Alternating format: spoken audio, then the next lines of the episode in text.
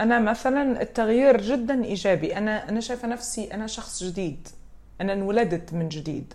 أنا شايفة نفسي أنا شخص قادر إن هو يواكب الجيل متاعه. لما قلت أجندة خوفتني في الأول. و there's always like no على خاطر الناس بس أوكي من هم الناس؟ والإنسان اللي مش مطلع يسهل جدا إنه هو يصير له غسيل المخ هذا تايم مش بس ماني تايم از everything. 2011 developed depression. وفي نفس الوقت هو يدق قاعد يقول بقى حتى لو ما عجبتش يمشي يبلع. أي choice تاخذه في consequence ممكن يضيع لك حياتك وممكن يركبك فوق. واللي كان يعذب فيا كنت نعرف علاش إنه هو يدير فيه الموضوع. هذا أنا عم بحاول بس إنه أوصل رسالة إنه ننتصر على. على الشيء الصعب اللي صار معنا. بس هيك. أنا متحمس. أنتوا واتين يلا نبدو. مرحبا بيك في الحلقة 37 من The Miri Podcast. أنا طارق الميري صاحب البودكاست. هذه الحلقة بالعربي وفيها شوية إنجليزي.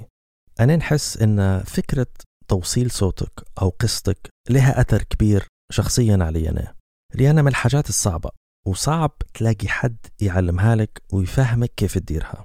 مرات باش تدافع على وجهة نظرك تضطر إنك تواجه وتعلي صوتك تتفاعل وتستغل الفرص.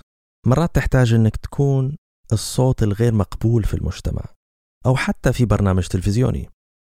مرات تنحط في زاوية الأقلية بالرغم من أن شريحة كبيرة متبنية أفكارك وصوتك يعبر عن أفكارهم.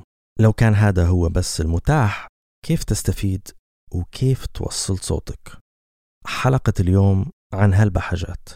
منها كيف تصنع نفسك من الداخل والخارج التعامل مع الطلاق تنقيس الوزن النسوية ال minimalism وطبعا كيف توصل صوتك.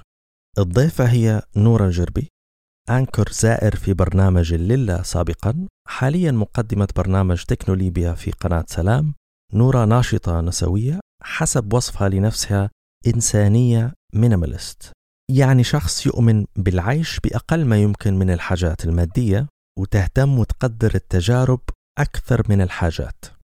أنا متحمس. أنتوا واتين؟ يلا نبدو. نورا شو أخبارك؟ آه الحمد لله. جود أنت كيف حالك طارق؟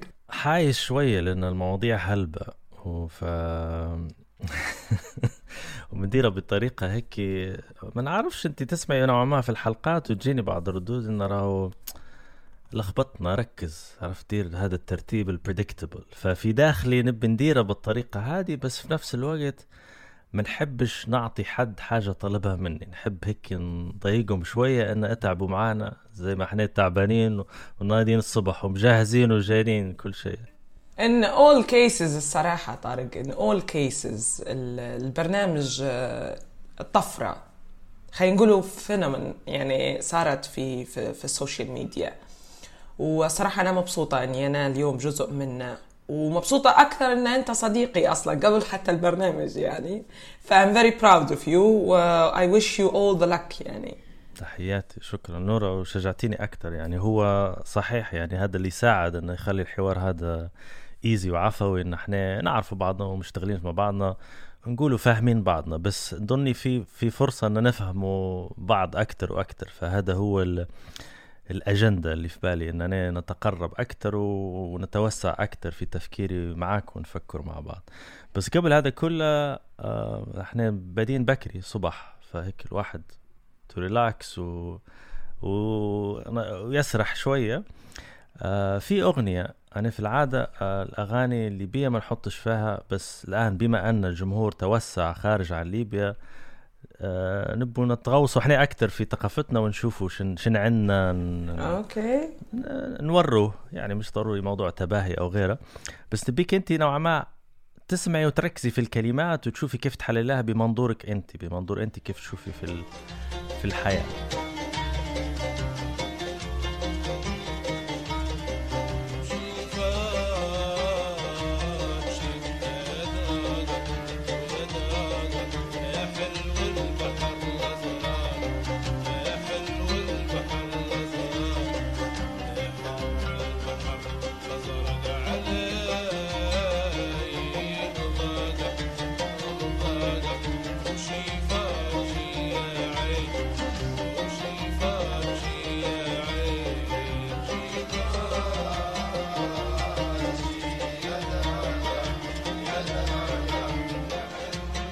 رأيك؟ اولا هنيك يعني على الخيار. آه، جميلة وكويس. آه، عجبتني الأيديا متاعك إنك أنت تحب ان الناس من خارج ليبيا ان هم يشوفوا آه، الفن الليبي. قبل ما نحكي عن عن الموضوع بصفة عامة طبعا المغني بتاع الأغنية حميد أبو نقطة هو يعتبر أشهر فنانين المرسكاوي في المنطقة الشرقية بصفة عامة. آه، أغاني جميلة وعادة تمتاز بكلمات قوية. تشيفاتشي يدراغا قصتها قصة. آه، أعتقد في فيديو على اليوتيوب للأستاذ سليمان الساحلي آه، يحكي فيه بالضبط عن قصة تشيفاجي يدراغا وإن هي كانت في البداية قصيدة غزلية بحت وبعدين من كونها غزلية انتقلت إلى قصيدة تحارب في السلطة أو وقت أيام معمر القذافي فكانت آه، تحولت لقصيدة فيها نوع من المقاومة والمعارضة وفيها نوع من آه، من التحدي وفيها نوع من وصف الأوضاع. آه، بالنسبة لي أنا الإسقاطات للأغنية كمعنى ما نعرفش هي كأغنية هم واخذين بس ال part الغزلي مش واخذين ال part اللي هو ما بعد الغزلي اللي هو ال part اللي كان فيه زي ما قلت لك المعارضة والمقاومة. آه، بالنسبة لي أنا ال part الأجمل هو ال part اللي فيه المعارضة الحقيقة. أتوقع فيها اللي هي كانت آه، زي ما تقولي بيت والآخر يقول من ضيم وطننا من ضيم وطننا. يعني هو عتاب على الوضع السياسي أتوقع صح؟ هي هذه نفسها يعني. مش بس هيك هي آه، هي راهو أخرى تقريبا. أعتقد إن اللي كملوا يعني اللي قال اللي قالوا مطلع القصيدة أو البيت مش هم نفسهم اللي كملوا. كان في أكثر من شاعر يعني آه، آه، اشترك في كتابة في كتابة القصيدة. فبالنسبة لي أنا الأجمل فيها هو البلاغة اللي كانت في وصف الوضع اللي اللي هم يمروا به آه، يعني وضع البلاد. يعني هو لما كان يقول مثلا تشيفاتشي يا بنية تشيفاتشي يا بنت رومانية يندم اللي داير معانا سيا ويجيك الزهاية عين داقا داقا أنا العشق عندي جاي في الحرية حتى في زمان الحبس والشناقة. اللي هو يعني في فترة أو في زمن فعليا هم كانوا ينظروا للحرية أن هي هي العشق هي المراد هي هي الشيء اللي هم يطمحوا إن هم يوصلوا له. عرفت؟ في زمن فعليا كان يعني نفس علينا صعب. فأعتقد أن يعني الكلمات الأقوى هي ما بعد الغزل. كانت فعليا آه، يعطيك الموضوع يوريك كيف أن الأدب والفن وأن الأشياء هذه هي تقدر توصل صورة معينة آه، بطريقة معينة أنت أنت تحب أنت حابب توصلها أو أنت راغب أنك أنت توصلها يعني. فعليا يوريك يوريك كيف مدى الارتباط ما بين الفن وبين الوضع اللي أنت تعيشه أو الوضع اللي انت أنت عايش فيه بالضبط سواء كان على مستوى شخصي أو مستوى مثلا الدولة أو المدينة اللي أنت عايش فيها. هو الذكاء فيها كأن استغلال حاجة متوقعة اللي هو شعر غزلي زي ما حكيت اللي الناس متعودة عليه ويحطوا فيها آه، يغدوا فيها بمشاكل اللحظة وبهمومهم الكبيرة وزي ما تقولي ال activism تفاعلهم مضاد للوضع القائم في في لحظتها. بس لما نجيها بطريقة رومانسية شوية شوية قشرية موضوع الرومانسية فيها كلها وصف خارجي. اللون الشعر الشكل.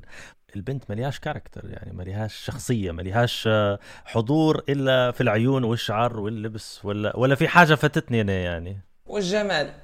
الحقيقة أنا طارق تعرف لما مرات نقرأ القصيدة هذه أو لما تمر علي أو لما نسمع الأغنية مرات نتصور فيه هو لما يقول جيفاتي يدراكا فعليا ما يصفش في بنت هو يصف في ليبيا هو يصف في الوطن.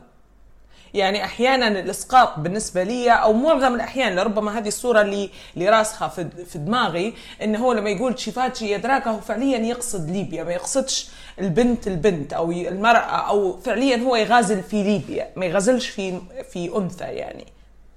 فهمتني؟ يعني أنا دائما دائما عندي الصورة هذه. ما نقدرش ما نقدرش نحاول إني نفكر فيها بطريقة أخرى. آه، مثلا لما يقول في جملة لما يقولها العين قصدليه والشعر خروبي أنا دائما ننظر إنه هو يغازل في ليبيا هو يحكي على ليبيا ما يحكيش على على حاجة أخرى أو حاجة ثانية. آه، هذه حاجة. الحاجة الأخرى اللي هي الجميل ال القصيدة هذه.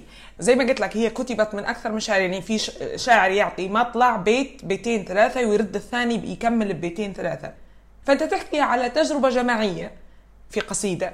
مش شخص مش بس شخص أنت تحكي على أكثر من شخص يمروا بنفس التجربة. فهم كل واحد فيهم قادر يوصف تجربته في في بيتين ثلاثة. عرفت؟ فهذه تخليها حاجة شوية سبيشل مش مش قصيدة عادية يعني. آه بالتأكيد. وحتى وقعها على طول بالنسبة لأي حد يسمعها تاخذك لهذه الأماكن يعني إنك تحللي ونضحك نوعا ما في الموضوع. يمكن ينطبق الحال رغم أنهم يمكن كتبوها في مرحلة من أكثر من 30 سنة فاتت. ينطبق الحال يعني من غير ما نخش في تفاصيله بس ممكن الحوار بتاعنا حياخدنا غادي. نورا كيف ممكن تقدمي نفسك لحد يسمع فينا توا في السيارة ولا في طريقة في القطار وفي نفس الوقت هو معانا. يعني كأن مقدمتك أنت لي, لي أنا وإحنا كيف متقابلين. في الوضع الحالي مش ضروري زوم إن بالتفاصيل القديمة يعني. من هي نورا في, الوضع الحالي؟ يس هو طارق سؤال كيف تعرفي نفسك؟ بالنسبة لي أنا ننظر له من من أصعب أصعب أصعب الأسئلة اللي ممكن تتوجه لي. أنت لما تطلب مني إن نعرف نفسي في العادة معناها إني أنا حنحط labels أو نحط لنفسي إطار. الناس لربما من بعد ذلك ما عادش تقبلني إلا في هذا الإطار. مهما كان التعريف حتى لو كان التعريف هذا عبارة عن اسمي وعمري وأنا وين مولودة؟ أو في أي مدينة مولودة؟ في أي بلاد مولودة؟ وين درست؟ شن كانت اهتماماتي؟ آه، موقعي في الأسرة؟ أسرتي من وين؟ كل هالأشياء فعليا فعليا. أنا احيان كثيرة نؤمن إن آه، هن عبارة عن ليبلز عبارة عن إطار آه، ومرات الإطار هذا أنت ما اخترتش أنت انحطيت فيه. يعني فعليا أنا ما اخترتش العائلة متاعي ما اخترتش إني نولد في ليبيا ما اخترتش إن اسمي يكون نورة ما اخترتش إني أنا نكون آه، مثلا آه، من من مسلمة ما اخترتش إني أنا نكون آه، أنا اللي اللي ما بعد عمري في ما بعد ال 15 سنة خليني نقول فعليا نقدر نقول أصبحت أملك 20% من زمام الأمور في حياتي. وبعدين وما إلى ذلك آه، آه، انتقلت يعني بعدين ترقت الحكاية وقعدت نملك معظم زمام الأمور، ما فيش إنسان يملك 100% زمام الأمور في حياته لأن دائما شريك حياتك هو جزء من حياتك، أمك هي جزء من حياتك، أبوك هو جزء من حياتك، أخوتك هم جزء من حياتك، أنت دائما مطالب إنك أنت تراعيهم. خلينا نفصل الكتاب نصين. أعطيني آه نورة ما بعد الكنترول التحكم اللي عندك. ومرات مرات نرجع عليه قبل بس انت حاليا حسب ما صنعتي نفسك وغيرتي و... والمسار اللي خديتيه من انت حسب ما انت انجزتي؟ هو دائما نكتب في ال bio متاعي في ال social media minimalist humanitarian minimalist أنا دائما نعرف بنفسي uh, إني أنا just a human normal human being شخص عادي من بين البشر. ما أنا عليه الآن هو جزء من خياراتي زي أني أنا حاليا آه، مذيعة في تلفزيون زي أني أنا ناشطة في موضوع حقوق الإنسان زي أني أنا minimalist آه، آه، هذين أشياء أنا اخترتهن ما لقيت لهاش ترجمة على فكرة minimalist يعني في الحاجات الأخرى صعبة شوي صح؟ yeah. فيها فيها حاجة لها علاقة بالقلة والمحدودية بس ما اتوقعش البساطة ممكن يسموها البساطة. بساطة simplicity أكثر يعني بس minimalist إنه شخص يعني متجرد نوعا ما بتاخذي يعني أقل ما في الأمور في أساسها مش جماعة اللي تخزن في كل شيء والدولاب والحوايج. شخص مرات ياخذ أحسن حاجة من مجمل الأشياء وما يحبش ما يحبش آه، وما تحبش تملأ مكانها بأشياء شكلية فقط ما لهاش استخدام أو ممكن تخرب البيئة. آه، يعني هو هو أنت هذا من زاوية اللي هو ال productivity إن الشخص يكون مستغل استغلال كافي للموارد اللي عنده أو من جانب البيئي ليش minimalist نورا. it's a mix هو الجانب البيئي حقيقة أنا ما تعمقتش فيه واجد. ولو إني أنا قاعدة نحاول نفكر ناخذ فيه خطوات جدية حقيقية. okay خاصة في موضوع اللبس إن الواحد ياخذ حاجات recyclable خاصة في موضوع ال home decor إن ديما حاجتك تكون مايلة إنك أنت eco friendly بس مازال أنا ما للأمانة يعني محتاج قوة محتاج عزم إنك أنت فعلا تاخذ القرار هذا وتمشي به آه، حقيقة. هو فيه نوع من المقاومة يعني أنت فعليا عايش سنوات من حياتك متعود على شيء وبعدين فجأة تبي تغير بس ان جنرال مي أنا كنورة أنا شخص يتضايق من وجود أشياء كثيرة حوله. يعني أنا حوشي مثلا مش محبذة ان نفضل بس لما نشوف أكثر من ايتم موجودة أكثر من حاجة موجودة زيادة عن اللزوم على طول مودي نفسي شكلي كل شيء يتغير فيا. أه، هذه نقطة، النقطة الثانية من ناحية اللبس يعني يتغير من ناحية سلبية لأنك تحسي بالزحمة تحسي بالحاجات مش مرتبة.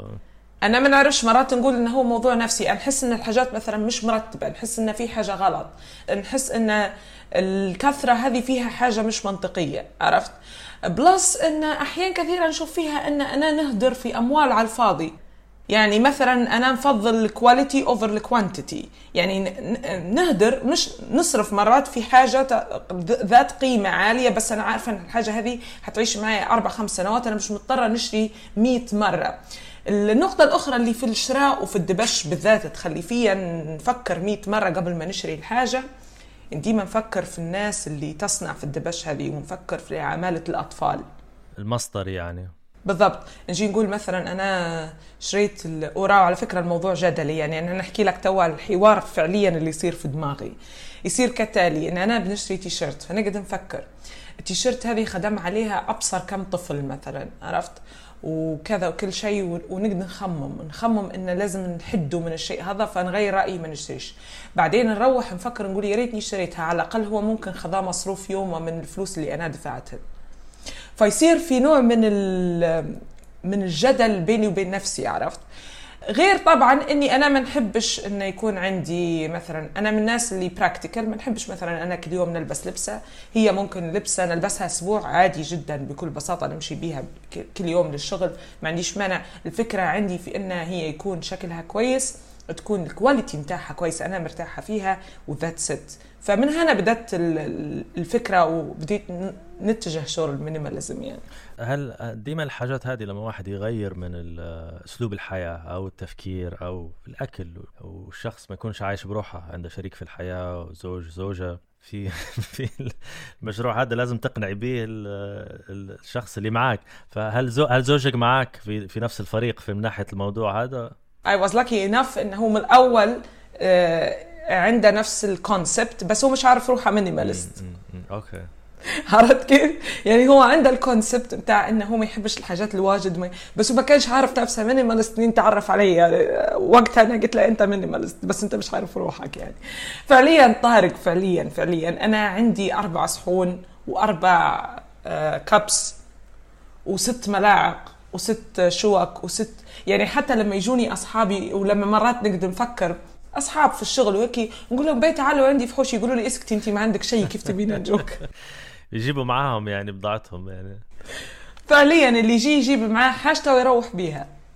no no extras عرفت؟ بالضبط العدد اللي أنا نبيه موجود. بالنسبة لحد اللي قاعد يسمع يقول هاد الزوز عايشين في كوكب آخر يعني ماليش علاقة بالحاجات العملية اللي هم طبعا متعودين عليها. أنت أنت شنو اللي حسيتي بيه كنقلة؟ من بداية الفكرة بتخربش في دماغك لتفعيلها. يعني أنت كنت زي كل الناس اللي هي كل شيء موجود مطبخ معبي غيره كراسي يعني شنو شنو الفرق الفعلي كنتيجة اللي أنت حتحسي بها يعني؟ تو نقول لك هو الفكرة طارق إن أنا ممكن هي رد فعل إحنا كليبيين. أنا مثلا أمي عندها دولاب طبعا الليبيين كلهم عندهم دولاب اسمه دولاب مهنا. دولاب مهنا اللي فيه كل شيء زايد ومش ع... فأنا كان عندي عقدة نفسية عندي مشكلة مع أمي اللي كانت ديما إن هي تجمع في الأشياء بدون أي فائدة. اللي ما يعرفاش نوعية الدولاب هذا هذا للملابس. للتخزين للتخزين storage it's kind of storage cupboard وماليش في لازمة يعني نوعا ما. بالضبط. لا ونح... ومش هيك. أنا مسميتها أنا دايرت لها label اللي هو label آه لما يجونا ضيوف. آه يعني أنا كانت مرة في مرحلة ما كنت في خشب في صراع مع أمي. قلت لها أنا عشت معك. وقتها عمري كان 18 سنة 18 سنة وأنا نسمع في جملة حيجينا ضيف فجأة. ولا مرة جانا ضيف فجأة. ولا مرة جانا ضيف فجأة ولا مرة درنا مثلا هذيك المناسبة الكبيرة اللي انت استحقيتي فيها كل الأشياء اللي انت قاعدة تخزني فيهن. ومش هيك أنا كان عندي إشكالية أخرى كبيرة طارق اللي هي إن أمي مثلا كانت تشتري الأشياء تدفع فيهم فلوس تخزنهن عشان الناس مش عشاننا نحن. يعني بدل ما نحن نستمتعوا بال... بال... بالشيء هذا أصبحنا نشتروا فيه عشان الناس تستمتع به اللي هم الضيوف. انت عندك مشكلة في في الدولاب أنا عند عندي مشكلة في الصالون. الصالون هيك ديما نشبح له في كل حوش عشت فيه. نشبح له يبدأ هو بعيد هيك مرتب ونظيف واخذ حيز كبير من الحوش. إيه عشان الضيوف ورد بالك تجي ورد بالك تقرب واقعد لعل وعسى لعل وعسى هادو حيجوا حيشرنوا الباب وحيقعمزوا. ربع ساعة نص ساعة ويروحوا ومرات يتغدوا ويطولوا بس واخذين استثمار في الحوش. يعني يمكن حيجوك يعني حيجوك أيامات محدودة في في السنة. طبعا حسب ال lifestyle بتاع العائلة بس في المجمل انه في استهلاك وصرف لحاجات آه، بنسبة كبيرة من دخل الناس. من أجل الناس من أجل الناس. والناس هذوما فعليا ما يجوش ولا نشوفوا فيهم ولا ولا أي حاجة. فمن هناك هي النقطة بدأت إن أنا لما نستقل بروحي وقتها ما كان صعب إني نكون مع أمي آه، شخص مينيماليست يعني أنت اللي تحكي لي توا الفكرة قديمة ومن زمان مضايقاتك يعني من زمان. بالضبط يعني أنا آه، كان صعب إني أنا مثلا مع أمي. صح كان عندي دولابي اللي هو كان فيه أقل الأشياء الممكنة بس ما حوالي هو موجود. دائما الليبيين تلقى عندهم صالون مثلا صالون زيادة قاعد عندهم خزنينة في دار عشان هم في أشياء ما كانتش منطقية بالنسبة لي كنت نشوف فيها إهدار لمتعة الحياة يعني باهي أوكي أنت حتى دفعت الصالون وشريته استمتع به أنت استمتع به أنت أنت ليش مخليه للناس الآخرين؟ فمن هنا النقطة بدأت اللي أنا حسيتها وتغيرت أنا فعليا مستمتعة بحياتي. أنا نشوف في نفسي إني أنا هيك مرتاحة أنا مش عايشة عشان الناس تجيني. يعني حتى لما نفكر مرات زوجي تصير له. مثلا لما جينا نشتروا في أثاث البيت فأنا خذيت كنبة واحدة وكرسي. كنبة فقط تشيل ثلاث أشخاص وكرسي. فهو كان يقول لي وكان جونا ناس؟ قلت له أنا ما نبيش الناس تجيني حيخافوا حيخافوا منك الناس حنعزمهم برا. هذول لا يعزموا في الناس ولا عندهم اصحاب عايشين مع نفسهم مسكرين راحوا باب. قلت للناس وفعليا أعرف طارق المتعة وين. المتعة إني فعليا أصبحت آه، تفكيري وين تغير أو ال minimalism وين شلتني شلتني للاستمتاع باللحظة مش بالشيء. مثلا على سبيل المثال السنة اللي فاتت أنا قررت نعزم أصدقائي هنا في البيت وكانت أول مرة نعزم عدد كبير هيك يعني حوالي 15 شخص. وما عنديش فعليا طارق وين نحطهم. أنا عندي طا... طا... كل شيء بالضبط وعندي أربع كراسي وعندي فعليا أربع كراسي في ال... في ال... في الصالة. ولما نبغى نتعشى وين بنقعمزوا الطاوله صغيرة جدا وما فيش سبيس فأنا قلت لهم لا نحن حنفرشوا على الأرض ونديروا قعدة على الأرض وناكلوا على الأرض ونستم. قلت لهم الفكرة يا جماعة مش في الشكل الفكرة في متعة وجودنا as a get-together عرفت؟ وفعليا كان من أجمل الأيام اللي اللي في نصنفهن أنا في حياتي. لعبنا أونو وكلينا وشربنا وكلينا وكلينا في صحون مشكلة طارق. يعني أربع صحون من عندي وأربع صحون من هناك وخمس صحون من هنا. فكانت يعني ال idea إن أنت you enjoy the moment أكثر من اللي نحن تربينا عليه وعشنا فيه اللي هو إن كل شيء للضيوف لازم الضيوف يكون عندهم كل شيء perfect أي ضيف يجيك لازم يكون عنده مكان عنده space عنده وين يقعمز عنده يعني وكأن الضيف هو جايك من الشارع وما عمرش في حياته قعمز ولا كلاه في جانب آخر نورا أنت already في المعادلة هذه حددتي نوع الأصدقاء اللي حيستمتعوا بالجو هو يعني وبطريقة مباشرة جدا هذا هو النوع اللي أنت حتنسجمي معاه. خلينا نحدد المكان اللي عايشين فيه هنا في بريطانيا الناس اللي نعزم فيهم سواء من أهل البلد سواء من المنطقة اللي أنا جاي منها أنا نرتاح ان ندخل المطبخ وناكله معاه في في في مطبخ. وما ناكله إحنا عادي كعائلة آه، نرتاح نقعمز معاه في الصالون العادي. ما فيش عقلية إنه لا هذا ضيف ولازم يقعد في تركينة معينة ولا فلو أنا جايبه من هذا المنطلق معناه مش مرتاح له أصلا إن أنا نوريه أنا منو وحياتي مني فاوريدي ملغي يعني إن أنا ممكن استقبله للحوش يعني. فهو الموضوع مرتبط يعني اللي اللي مرتاح لك ويحبك مقتنع بك أنت وش تديري برغم الاختلاف. already جاوبتي على موضوع الهوس يعني هوسك بإنك أنت ديري delete الحاجات ال extra اللي صرف زايد وتشويش زايد وما ليش علاقة بقيمة المتعة وزي ما قلت انت إن الشخص يكون عايش في اللحظة ومستمتع بها يعني. ف فهوسك واضح يعني موضوع ال minimalism. أه بس أتوقع فيه درجات لأن أنا نتبع في minimalist. وشفت شفت ال documentary على نتفليكس وفي في YouTubers وغيره. في اللي يعني حتى في الألوان يعني يلبس أبيض ورصاصي. شوف طارق آه، أنا جاتني فترة كنت كي black وانشهرت بموضوع ال black. وحتى توا نحب ال black. بس somehow التلفزيون فرض علي الألوان. أيوه هذا هذا اللي بنقول لك. انت أنت في التلفزيون لما حد يشوف برنامج إنه ما تقدريش ما تقدريش تراها لقطة أنا حنلبس هذه الأسبوع كله. الأسبوع كله. هذه لل- هذه ال- الإشكالية الس- نحاول قدر الإمكان إن لبسي على التلفزيون يكون very minimal. يعني ما, تشوفنيش لابسة مثلا اكسسوارز ما تشوفنيش لابسة ألوان مخربشة ومشكلة وكذا. تشوفني محددة أكثر بس آه ال point متاع إني أنا نلبس one آه للأسف. يعني أنا مثلا ما نقدرش I can't now. صعب. مضطرة إني أنا نلبس ألوان مضطرة إني أنا اغير لأن عملي يفرض علي الشيء هذا. بس أنت لو تشوفني أنا كنورة في شيء يعني أنا جاتني فترة نون إني أنا نلبس black black بس عرفت؟ تشوف بشي كله black كله أسود. توا في ألوان بس مازال نميل مثلا للسادة. آه، مثلا نقول لك مثلا minimalism أغلبهم تلقاهم يلبسوا في الألوان اللي هي plain لون سادة. يا مثلا أبيض أو رصاصي أو أسود سادة أو حتى كان لبسوا ألوان ثانية تلقاها سادة. ما يفضلش إنه هو يلبس حاجة مخربشه وفعليا طارق أنا عندي مشكلة نفسية. أنا حتى لما أشوف حد لابس مخربش نتضايق. تصير لي أزمة عرفت؟ إلا لما تكون محددة مثلا مربعات أو خطوط محددة. أي حاجة فيها extra خربشة مش ما نعرفش يعني توا ندير في control على نفسي إني نتقبل مثلا حد لابس هيك بس في العادة نقعد مرات متضايقة أو يصير لي نوع من ال stress من وجود الشخص هذا قدامي هو لابس الألوان هذه كلها. عرفت؟ حتى نفسيا يعني آه، ما نعرفش ان هي المشكلة. مش OCD أنا مانيش OCD بس عندي إشكالية مع. لما نشوف حاجات واجد مخربشة نتضايق. جيبي لي في حاجات رزينة هيك نورا دماغي لها stuck المهم اللي اللي بي- بيدورها على جوجل obsessive compulsive disorder اللي هو شخص عنده هوس بحاجة معينة مضايق مضايقة وتشتت التفكير في حاجات أخرى. يعني ما نعرفش ممكن ممكن حاجة زي هيك يعني. بندير transition لجزء من المقدمة اللي قلتها إنك أنت عندي عندك اهتمام. آه ما قلتيش حقوق إنسان قلتي حقوق المرأة يعني متخصص. قلت حقوق إنسان لأن مش يعني هي المرأة في أولوياتي للأمانة. حتى هنايا حتى هنايا في obsession يقول لك women's right كأنكم أنتم جايين هيك جيتوا في سفينة بروحكم أخذتوا طريق بروحها عرفتي؟ لا بس في children rights وفي ما فيش rights شفتي؟ بس. حقوقنا مهضومة يعني إحنا. ولا واكلين واكلين كل ما حدش شيء قال لكم ما تصبوش لروحكم لا في في movement ترى manliness ودمان ومش عارف شنو لو تفتح اليوتيوب لين دماغك يشيب انه enough with this equality stuff. الرجل آه، آه، سلب سلب من وضعه وغيره. يعني في في movement اللي هي مربوطة يعني ما نعرفش أوروبا لكن بأمريكا بكثره مربوطة بالهادي ال right ال right wing تلقي شخص يدير كتلة معينة من الناس اللي هم يحسوا روحهم marginalized وهم extremist يعني سواء من ناحية ال- العنصرية سواء من ناحية مجموعة حاجات أخرى.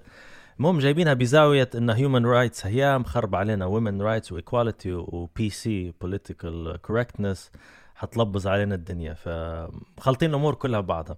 Anyways that aside بالنسبة لي أنا آه، اللي نحس فيه مميز وبسهولة حد يلاحظ عندك إنك أنت لو حاجة ضيقاتك لو حاجة مهتمة بها صوتك عالي فيها على طول. يعني في كلام في رد فعل في نشاط.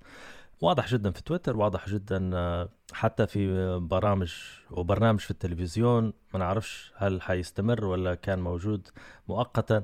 للا أتوقع حسب ان نتفكر.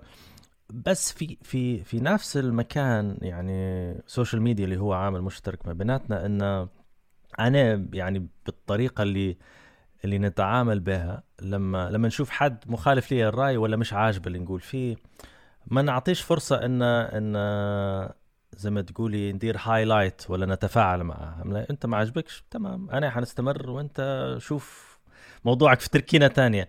اللي بنركز عليه في نقطة معينة أنت في كل فرصة آه، وجهة نظرك لا نحس فيها لازم تطلع. ما نعرفش هذا صحيح أو خطأ حسب استنتاجي يعني نذكر بالذات في آه، أتوقع من شهور فاتت في انستغرام لايف وفي شخص طلع لك يهاجم بطريقة شخصية مستفزة ومزعجة جدا. أنا رد فعلي يمكن نتضايق بس مش حنعطيه صوت اننا ندير رد فعل باش نوصل صوته أكثر انت بالعكس انت قلتي لها اللي في رأيك وحددتي موقفك. ما نتذكرش هي كان بنت أو ولد ما نتذكرش.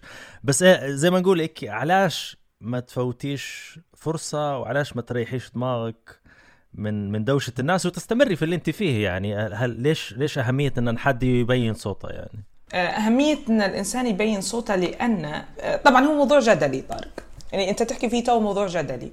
وجدلي مش بس نحكي على نطاق واسع جدلي على نطاق شخصي لي أنا. يعني أنا نفسي أحيانا نقدر نفكر زيك. أنا ليش ما نفوتش ونبرد دماغي؟ وليش أنا نركز؟ آه، ومرات يصير في جدل بيني وبين زوجي. يعني أحيانا أنا مثلا في أحيان كثيرة نفوت طارق. مرات تسمعني تشوفني تقول كان ما درتش أي رد فعل فهمت ومرات حتى زوجي يسألني كيف ما درتيش مثلا رد فعل أو ما درتيش هذيك الحاجة. آه، مش غالبا نرد وعندي بس لما نرد نحب الرد. ليش؟ أو أو ليش الموضوع هذا؟ في أحيان كثيرة طارق نقدر نخمم إن استمرار سكوتي على الأشخاص اللي قاعدة تحكي في موضوع معين أو تهاجم فيا في موضوع معين أو تحكي معايا في موضوع معين أو تفرض في وجهة نظرها بشكل معين. آه، هم يعتقدوا إن هي طبعا هذه نابع عن تجارب عديدة. يعتقدوا إن أنت خايف أو أنت مثلا ما عندكش القدرة على الرد. فاحيانا يستلزم إنك أنت ترد آه، لتوضيح فكرة إن آه، الفكرة اللي في راسك مش حقيقية. في أحيان كثيرة وفي أحيان نندم. مرات نقول مش مهم عرف ولا ما عرفش إنها أنا خايفة ولا مش خايفة. المهم أنا عارفة نفسي فهمت؟ أنا عارفة إني أنا ما I don't care فهمتني؟ بس في أحيان تستلزم مني الرد. آه، للا مثلا أكيد شفتني في مواقف عديدة كنت متعصبة الرأي أو أو نرد بشكل. آه، الفكرة اللي لا يختلف آه، طارق اللي لا يختلف. حسب مشاهدتي لها مش متكررة بس كل مرة نحس إن أنت في corner وكلهم في corner يعني ما نعرفش هل هذا ك setup by design شاء القدر إن هذه هي الفكرة. وهذه لو أنا كنت في كرسيك يعني ممكن هذا يمكن أحد الخيارات الواضحة إن أنا لازم أعلي صوتي بزيادة لأن أنا الوحيد اللي اللي موجود في هذا ال corner فمش عملية انه معذورة مش معذورة انه okay the setup is like this حسب حسب ملاحظتي. أنا ضئيلة جدا لل corner بس انت هو هو ما فيش setup عشان نكون واضحين وصريحين. هو ابدا ما فيش setup ما فيش أصلا آه، واحدة من من الأمور اللي ممكن غايبة عن الناس آه، التحضير ما كانش أصلا جماعي في الليلة. يعني كان في معد واحد وهو اللي يعد الحلقة والبقية تعطي رأيها. هو في الليلة أنا فعليا ما كنتش مذيعة أنا كنت آه، ما يطلق عليه ب في عالم ال media chroniqueur أو اللي هو الضيف الدائم اللي هو آه، في الحالة هذه القناة غير مسؤولة فعليا عن أي آراء يدلي بيها. هو فهمتني؟ هو موجود عشان يدلي برأي أو يثير نقاش. المذيع الرئيسي في اللهني هو اللي هو اللي يتبع للقناة رسميا أو آراء تمثل آراء القناة. يعني انت حضورك تعبري عن رأيك وجهة نظرك حسب الموضوع حسب الحلقة يعني. عشان في ناس واجد مش فاهمين التركيبة هذه. يعني أنا فعليا ما كنتش مذيعة هي اسمها chroniqueur أو ضيف دائم في عالم الميديا اللي هو يجي عشان يثري النقاش يقول آراء.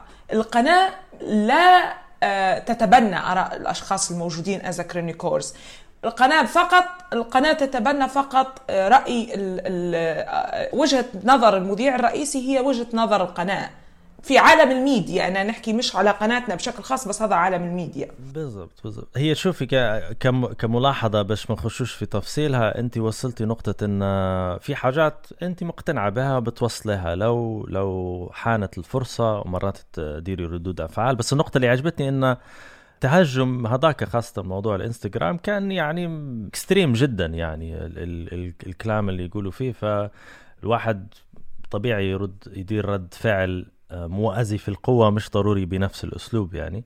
الفكرة الأخرى اللي في الدماغ إن مجتمعيا سواء في الميديا سواء في المنطقة سواء حتى في ال social media آه، كلمة feminist كلمة شخص آه، يدافع عن حقوق المرأة موجودة بس الستاندرد أو المنتشر العكس. زي ما تقول أنت في بالهم هم أنت شخص مخالف لقوانين اللعبة والمجتمع المحافظ ولا لا لا لا, لا والأشياء هذه. ديما تلقي روحك أنت في مصدر آه، في في زاوية الأقلية يعني. فهل هذا صحيح ولا هذا مش صحيح؟ هل نظرة المجتمع تغيرت؟ هل الجيل الجديد مكتسب للأفكار هي ويفصل فيها وفهمها فعليا؟ مش خايف منها. الكلمات هذه ما هيش كلمات شتيمة لما تقولي فيمينست ولا حقوق المرأة؟ هو هو شوف طارق اللي فعليا صاير هو المجتمع تغير بشكل كبير وهذا أمر خلينا نعترف به. يعني حتى النقاش في الموضوع إنه هو سيء أو جيد في حد ذاته هو جيد. ليش؟ لأن أنت فعليا جبت الموضوع للنقاش أو قدرت تجيب الموضوع للنقاش. أنا عندي كان مقال الفترة اللي فاتت حكيت فيه على موضوع ال social media وكيف ال social media قدرت نوعا ما تعطي قوة للنساء بأنهن يشكلن كتلة يقدرن يحكم فيها على الأقل حتى لو نحن مش قادرين نديروا حلول باعتبار أن نحن أفراد منش منظومة. وأصلا في ناس واجد تطالب فينا بأن نحن نتحركوا أو ديروا شيء. أو ديروا كذا. هي الدولة أصلا بنيتها التحتية صفر. أنت تحكي على على دولة حروب أهلية تحكي على آه، سلاح منتشر تحكي على خطف تحكي على سرقة تحكي تحكي على غياب قانون. فأنت كيف أنت طالب مني أنا المستضعفة already already أنا قاعدة نقول لك إني أنا مستضعفة في الدولة هذه. أنا حقي مش قادر يوصلني. أنا مش قادرة أصلا نسمع صوتي. تطلب مني ندير تغيير. على أي أساس أنت تطلب مني ندير تغيير؟ إذا كان أنت اللي كرجل لديك كامل الحرية عندك الحق كامل آه، تقدر تتحرك ببساطة تختلف عن حركتي أنا أهلك ما يقولوا لكش وين طلعت وين خشيت وكذا مش قادر تغير وضع البلاد اللي نحن قاعدين فيه. تطلب مني أنا اللي أنا قاعدة نقول لك أنا مستضعفة أني نغير؟ أنا على الأقل عندي شجاعة أدبية اعترفت بالمشاكل اللي أنا نمر بيها وكتبتها وحكيت عنها ومش ساكتة عنها. عرفت؟ هذه هذه بروحها آه، تعتبر خطوة في مشوار الألف ميل يعني. المجتمع مش ينظر للمواضيع هذه. المشكلة الثانية مع المجتمع أن اختزال موضوع الفيمينيزم وحرية المرأة وحقوقها في شكلها الخارجي يعني أنا مثلا يشوفوني قاصه شعري لابسة كذا مش عارف شنو. هي اذا هي منحلة اخلاقيا تبحث عن الانحلال الأخلاقي ما تبحثش عن مواضيع أعمق من الانحلال الأخلاقي. هل تحسي في النقطة هي إن هي زي ما تقولي كامبين يعني هي حملة مجهزة لوجود حائط مستمر. انه لا انت أنت يربطوا في اللي تقولي فيه بالفكرة هي على طول. خلاص شت داون يعني. إيه إيه. للأسف هذه هذه المشكلة العظيمة اللي تواجه فينا. يعني أنت تضطر إن ولو إن خليني نكون معاك صريحة واضحة شعري وشكلي ولبسي هو من حقي وحريتي الكاملة إني أنا نتصرف به بالشكل اللي أنا نبيه غصبا عنك. أنت يعني هذا شيء أنت لازم تتقبله وترضى به فهمتني؟ ولكن للأسف اضطرونا إن نحن نقدر نوضحوا إن مش هذا هدفنا لأن في ناس قاعدة تعاني من مشاكل أقوى وأعمق وأكبر من إني أنا نلبس حجاب ولا ما نلبسش حجاب. مشكلتهم ان اختزلوا الموضوع في في أمور هي مش تافهة. ما نبيش نقول ان هي تافهة بس هم خلوها تافهة سطحوها فهمتني؟ هي مش تافهة. إني أنا نكون حرة في إني أنا شن نلبس مش أمر تافه. إذا كان أنا ما قدرتش نكون حرة في أنا شن نلبس كيف تبيني نكون حرة في اتخاذ قراري؟ كيف تبيني نكون حرة في إني أنا نكون مستقلة؟ كيف تبيني أنا نكون حرة في إني أنا آآ آآ عندي شخصية؟ إذا كان ما قدرتش نلبس اللي نبيه. أساس المشكلة هي هذه أنت أنت المطلب هو المشكلة. أنت لما تقولي أنت تبي تكوني حرة معناها من اللي حيسيطر عليك. يعني لازم حد يسيطر عليك. سواء دولة سواء مجتمع سواء أهل سواء زوجك لازم تحت السيطرة تكوني. في فالموضوع يجيبه لك من تركينة أخرى قشرية باش لأنه ما يقدرش يعني مش في باله يخش في تفصيل موضوع الحرية لأنه لأنه مشكلة يعني. هو أصلا مفهوم السيطرة نفسه عندهم غائب. يعني فكرة السيطرة شوية غبية عند عند الأغلبية العظمى. ان إن السيطره بالنسبة لهم هي اكشلي أكثر من كونها سيطرة هي استغلال عاطفي. يعني الغالبية العظمى تسيطر بس تسيطر بشكل غير مباشر اللي هو اسمه الاستغلال العاطفي. آه انت لو تحبيني ما تصرفيش التصرف هذا. آه أنا أبوك وأنا نحبك وأنا خايف على مصلحتك. أنا أخوك وأنا نحبك وأنا خايف على مصلحتك. والمشكلة إن تلقى في بنات واجد تقع في الفخ هذا وتجي تطلع بكل بساطة وسهولة تقول لك والله هو أخويا ويحبني. لو هو ما يحبنيش خويا راه ما دارش معايا هيك. فهي تتبرر له في أشياء باستعمال الحب اللي هو شيء آه، مش منطقي. هو لو يحبني فعليا يعني قراري يكون في إيدي أنا مش في إيده هو. في خلال ال- ال- المواضيع هذه هو نوعا ما أصبح ستاندرد الحوار فيه وهالبناس آه، وصلت للنتائج اللي أنت تحكي عليها حتى في عمر أصغر منا إحنا يعني في الفترة هي لأن وهذه وهذه الحاجة الكويسه اللي أنا قاعدة نشوف فيها طارق. أنا شايفة أن الجيل الجديد أو على الأقل من خلال ال social media واللي نشوفه فيه في الشارع وكذا الجيل الجديد أكثر انفتاحا على الفكرة. لأن ال resources أكثر وأسهل يعني إنترنت وغيرها وبرامج المتوفره ونوعا ما لما يبدأ في conflict زي ما إحنا قلنا وضع قائم في مشاكل الناس تفكر ليش وكيف. فالاستقرار ما يخليكش تسرحي بأفكارك يعني خلي خلي كل شيء يؤخذ بالقيمة اللي موجودة أمامك من غير التفكير أكثر بس لو واحد يدقق في تفاصيل حياة نورا وأفكارها الاستنتاج اللي وصلتي له بالرغم إن الفكرة اللي حكينا فيها توا يعني هالبناس ما زال يقول لك هذه فكرة موجودة انت وين وإحنا وين وغيرها. بس لو نفكروا في فكرة خارج الصندوق يعني فكرة قريب يعني الناس يشوفوها فكرة مجنونة. يعني حتى في الأصدقاء حتى في الأقارب آه يقول لك من وين جت هي؟ وانت تشوفي فيها منطقي إن الواحد يفكر بالطريقة هذه أو يبحث بالطريقة هذه. شنو هي الفكرة آه، اللي اللي واخدة بالك الفترة هذه. هي في نفس السياق طارق موضوع ال- الجندرية هذا مش حنمشوا بعيد يعني. آه، ممكن أنا أكثر حاجة مش أكثر فكرة. هو خليني نقول لك طارق إن هي كل بعد فترة بعد مدة بعد نضج عمري معين بعد تجارب معينة تسيطر علي فكرة معينة خارج الصندوق. يعني مثلا في فترة زمنية من عمري فكرة ال minimalism زي ما حكينا بدري كانت مسيطرة علي آه، فترة و... والفكرة هذه آه، okay موجودة توا في حياتي. الناس إلى الآن ما زال ما تستوعبهاش. يعني أنا حد نقول أنا عندي أربع صحون يقول لك كيف. فترة زمنية أخرى يمر عليك تغيير فكري جديد وتخش في أفكار جديدة. بس حاليا حاليا ومن نفس المنطلق ال- حقوق المرأة وحقوق الإنسان وكل شيء. يعني من مدة نخمم في ال- التنميط اللي قاعد يصير آه، لل- للأنثى وحتى للذكر. يعني أنا نحكي على الاثنين أنا ما نحكيش على آه، جندر واحد. فكرة الجندرية. يعني أنا معظم الوقت وأنا نسوق في سيارتي ماشية للشغل طبعا أنت عارف مسافة بعيدة وزحمة إسطنبول فالأفكار كلهن تتولد في السيارة. عرفت؟ فنبقى نخمم إن من أعطى أو أصبغ على الأنثى صفة الأنثى؟ ومن أصبغ على الذكر صفة الذكر؟ وشنو اللي يخلي أنثى أنثى؟ وشنو اللي يخلي ذكر ذكر؟ أوكي؟ وليش هو كذكر عنده أشياء مسموح لي يديرهن؟ أنا مش مسموح لي كأنثى نديرهن. وليش أنا كأنثى عندي أشياء مسموح لي نديرهن؟ هو كذكر مش مسموح لي نديرهن من اللي حددنا في القالب هذا؟ وليش القالب هذا أصبح جزء لا يتجزأ من حياتنا؟ عرفت؟ يعني أنا نلبس وردي أنت طارق مش مسموح لك كذكر تلبس وردي لا أنا امس لابس وردي أنا أموري تمام على الوقت. إيه أنا أنت أمورك تمام بس هل هم ينظروا لك إن أنت أمورك تمام؟ أنا الخ... أنا المشكلة فهمتني؟ يعني أنا نبدا نفكر كيف يصنفوا فينا على الأساس هذا. لي... ليش يتم تصنيفنا؟ آه ليش أنا أنثى؟ شنو هو اللي يخليني أنثى؟ هل هو الموضوع لغوي يعني؟ هو للأسف ولغوي وبعدين أصبح اجتماعي الاثنين. يعني أنت فعليا إحنا واحد إحنا إنسان. أنت ليش تصنفني ذكر وأنثى؟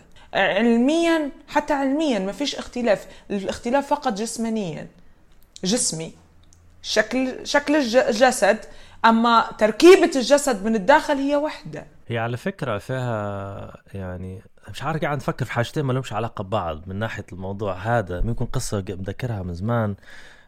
2009 كان في ما اتذكرش ما كانش في إجازة في ليبيا بس في إجازة للشركات الأجانب في ليبيا لأن فيه آه، شنو العطلة اللي يخطفها في أبريل هي هذه؟ آه، Easter. Easter break بالضبط. كان لي صديق فرنسي عزم أصدقائه جو لليبيا بيديروا رحلة في الصحراء. أول مرة نمشي الصحراء قبر عون سبها ال- المناطق المجاورة. سرحنا مشينا اكاكوس لفة طويلة عريضة ستة أيام. وصلنا في منطقة فيها توارق. آه واحد منهم خش ملينا من نفس الماكلة عرفتي؟ عندنا هيك السندوتشات الشركة اللي اللي ترفع دير في رحلات سياحية عندهم طباخ. بس نفس المنيو عرفتي؟ صبح ليل غداء نفس الشيء. فجاء نية هو الشخص هذا الواحد من أصدقاء صديقي إنه شاف عندهم غنم يعني. فهي حسابه إنه بيهدرز مع أول شخص وبيتفاوض معه لقى شيباني يلعب في ال dominoes. فصل الخيمة بتاعه بروحه وفي نسوين وفي أطفال في corner تاني. فقال خلينا نمشي نكسد معه شكله مكسد. بروحه قعد يلعب معه في ال dominoes. كمل طرح خلاه يغلبه عمدا يحسبها يعني بيصاحبه بهالطريقة. في, في النهاية قال بيتفاوض معاه باش يشتري معاه واحدة من المعزات هم صغار فالشيباني قال له الرأي مش عندي. قال له كيف؟ قال له مش أنت اللي تملك يعني أنت هنايا؟ قال له لا. قال له شوف. في النساء في هذيك هي اللي عندها القرار. في البيع والشراء. فالفرنساوي حل فمه قال. يعني شوف المفاجأة. حتى لي أنا يعني ما نعرفش يعني. ففي ففي بالي إن في مجتمعات المعادلة تختلف وهذا عادي. يعني زي ما نقطك أنت من اللي قال هيك ولا هيك ومن اللي قال علاش مش سواسية؟ من, من وين جت الفكرة؟ سؤال كويس لأن ما, ما تنطبقش على كل المجتمات ولا كل العالم ما تنطبقش. آه أنا نتذكر مرة كنت نسمع في آه، بودكاست بتاع دومتك وكانت في يحكوا على مجموعة فنانات. هي فنانة كانت تت- تتنكر بزي رجل. حتى اسمها تقريبا آه، كانت مغيرتة. مسعودة عراقية. تو نسمعها ما مرتش عليها. بس الفكرة؟ لازم تسمعها. آه، هي كانت يطلقوا عليها المغنية الريفية المسترجلة أو المغنية المرأة الرجل. يعني ما كانتش معروفة هل هي رجل أم, أم أنثى يعني. فكانت حلقة ممتعة. الممتع فيها أن يحكوا لك كيف كانت عايشة وكيف كانت هي تحب يقولوا لها مسعود. بس هي فعليا آه، يعني آه، هي حتى تجوزت وكان عندها أطفال و يعني يوريك إن الموضوع ما هوش في آه، هوش لا لغوي ولا هو جسدي ولا هو ديما آه، الموضوع انترستنج فهمتني؟ آه، من بهي كيف؟ آه، بهي آه، مثلا مثلا مؤخرا نتعرض لتعليقات سلبية عديدة طارق خاصة بعد ما قصيت شعري آه، هيك. يكتبوا لي انت منكش أنثى انت فلان راجل. بالنسبة لحد يسمعنا مرات ما ما يفهمش قصة شعري هيك أوصفي لي الشعر كيف قصتيه يعني بس اللي اللي اللي يسمع فينا بس يعني. قصيت شعري آه، آه، جارسون قصير جدا جدا جدا. آه،. قصير جدا عرفت؟ ف... فالناس ما نعرفش هل ردة فعلهم على القصة هل هم فعليا ما نضايقش منهم التعليقات على فكرة ما يزعلنش فيا. يعني الناس تعتقد إني أنا أنا حتى علقت كذا مرة. ما نزعلش لما حد يكتب لي التعليق هذا ابدا ما نزعلش. بس نقعد نخمم أو نفكر هو ليش مش شايفني هيك يعني هل في مواصفات محددة هو مش قادر يشوفن عندي؟ هل هو لأن شاف شعري كيف شعر الأولاد فهو مش بيصنفني هيك؟ ونحب نقول لك حتى لما كنت آه، نطلع في الليلة آه، وطبعا هذا كانت هذا كان إسقاط من نوع آخر. في الليلة كانوا يقولوا لي انت راجل لأن هم يحبوا يتفهوا ال- ال- ال- اللي أنا ندافع عنه عرفت؟ آه انت تبي تقدي راجل يعني فهمت؟ أنت تبي تكوني راجل هذا علاش أنت تدافعي عن حقوق المرأة. كثرة التعليق هذا خلاني نتجه للفكرة هذه. طيب شنو هن مواصفات الأنثى؟ هو شنو لازم نكون عشان نكون أنثى؟ بس أنت عندي conflict باش نوضح لك. أنت تحبي الأمور بسيطة minimalist أربع صحون ألوان معينة ما فيش كثرة. طبيعي إن نفكر okay حتى أنت تبي ببساطه الراجل يدير واحد اثنين ثلاثة والمرأة تدير واحد اثنين ثلاثة. بس أنت أنت لحد الآن قاعدة تستكشفي انه علاش اللي ما يديرش هو ندير أنا وعلاش اللي ما يديرش أنا نديره هو. هذه ما تمشيش مع الفكرة الأولى ولا تمشي؟ آه لا هي فكرة مش تمشي بس هي في رحلة بحث. هل هي حتمشي أم لا؟ يعني أنت حاليا في رحلة بحث هل هي راكبة أو هل هو مفهوم جديد؟ هل هو مفهوم جديد كليا؟ ملهش علاقة بالمفاهيم الأخرى مرتبطة في حياتي أم لا. بس هو فكرة دائما يعني دائما نستغرب. مرات نكون ماشية في الشارع ونشوف مثلا الراجل لابس لبسة معينة نقول باهي ليش أنا ما نلبسهاش؟ ليش أنا ليش أنا رسمة رسمة البنطلون تكون design مختلف عن رسمة بنطلون الرجل؟ ف- فهمت يعني هن تفاصيل خفيفة بس تحس إن هن آه، غيرا شكل العالم. بما أننا واخدين break خليني أحكي لكم على حاجة مهمة. إنتاج كل حلقة من دميري بودكاست يستغرق خمس أيام ومجهود كبير من فريق إنتاج متكون من أشخاص متميزين ملهمين ويشتغلوا بحب وإصرار وفعلا يتعبوا في إنجاز كل تفصيل مسموع ومرئي يخص البودكاست. لو تحبي أو تحب تدعم دميري والفريق العامل عليه اشترك في باتريون واختار القيمة المناسبة للدعم اللي تبي تقدمه.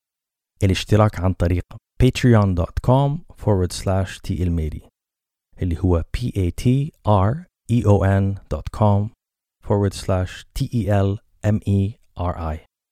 شكرا مسبقا لوقتك ولدعمك. واتين يلا نرجعوا اللي قاعد نفكر فيه أكيد أكثر من من مرة ومجموعة من الناس حتى في التعليقات يعني بما يخص القضايا الكبيرة بما فيها حقوق المرأة وحتى فيمينيزم انه أنتوا وين ماشيين بيه هذا؟ وين تبوا توصلوا؟ شنو النتيجة؟ يعني لو واحد ياخذ السؤال هذا ويفكر فيه بطريقة إيجابية فعلا هو شنو هو الهدف؟ شنو هو السيناريو اللي تقول أنا هذا مجتمع يمثلني أو هذا مجتمع أنا مرتاحة فيه؟ حتى كوجه مقارنة أنت يعني زرتي أماكن يعني كثيرة جدا وعشتي في أماكن هلبة من من التجارب هذه هل هل هل هذه النقطة وصلوا لها يعني كفكرة الناس أو المجتمعات؟ الفكرة اللي في بالك أنت ك كنتيجة يعني واقعية. الموضوع شوية عميق ومش عميق بالطريقة ال- الفلسفية ولا ولا ذات الأبعاد الفلسفية بس عميق من ناحية تحقيقها.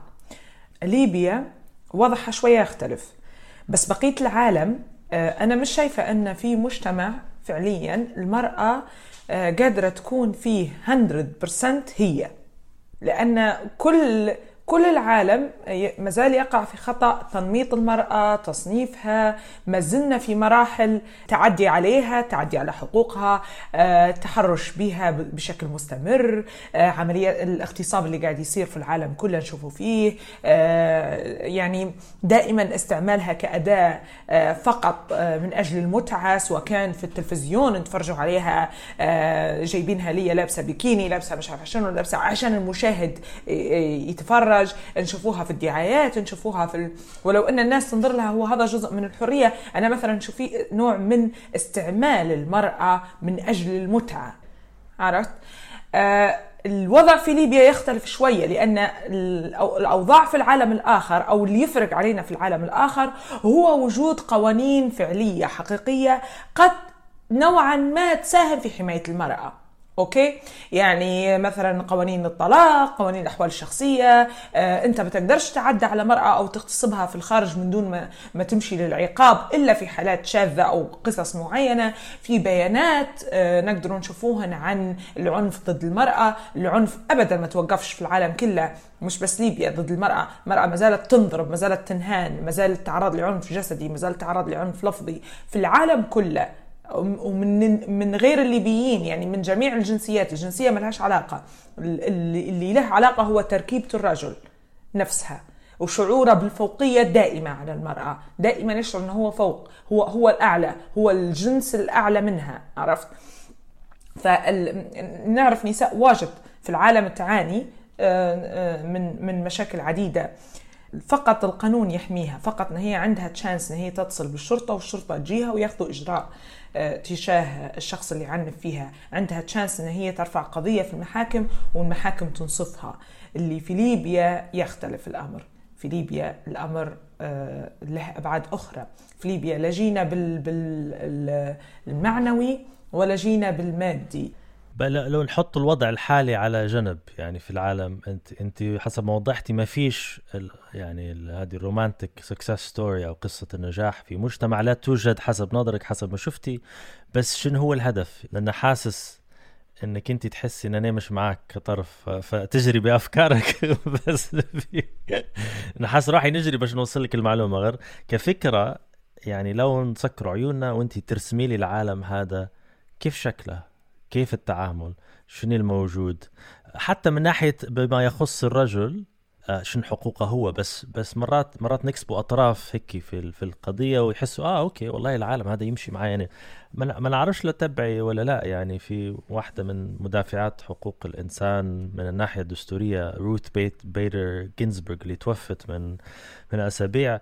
آه الذكاء في في تعاملها مع القانون إن تسوق لموضوع حقوق المرأة عن طريق حقوق الرجل بمعادلة المساواة. فتخش في قضايا تلقي الرجل فيها مظلوم صوريا بس هي عبارة عن ثغرة تجيب مجموعة مكاسب لحقوق المرأة.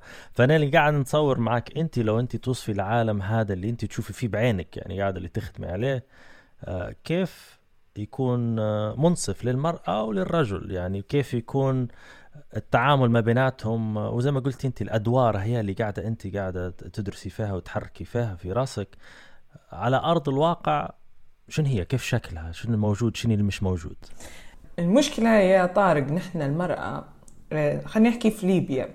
أنا وين بنوصل نبي نوصل إن أنا نشعر آه، داخل البيت قبل خارج البيت داخل البيت من من من طفولتي نبي نشعر إني أنا شخص يحترم وشخص كلامه يحترم شخص عنده قرار أو عنده قدرة إنه هو ياخذ قرار والناس تحترم قراره. اللي يصير في في اللي صاير في ليبيا من البنت من هي وصغيرة وهي دائما آه، يتم ركنها على على على ضفاف الرجل. تبدأ من قصة إن انت بنت مش من حقك تقولي هيك. انت بنت مفروض ما تقعديش هيك. انت بنت مفروض ما تحكيش هيك. انت بنت ما تلبسيش هيك. انت بنت ما تطلعيش الطلعة هذه. بعدين ننتقلوا مرحلة الزواج وكذا. آه، هو آه، تلقى الشاب في نفس الأسرة نفس الأب والأم. هو عنده قدرة يختار البنت اللي يبيها. آه، لو هو يحب بنت معينة يجي يحكي عليها بكل بساطة هي تقدرش.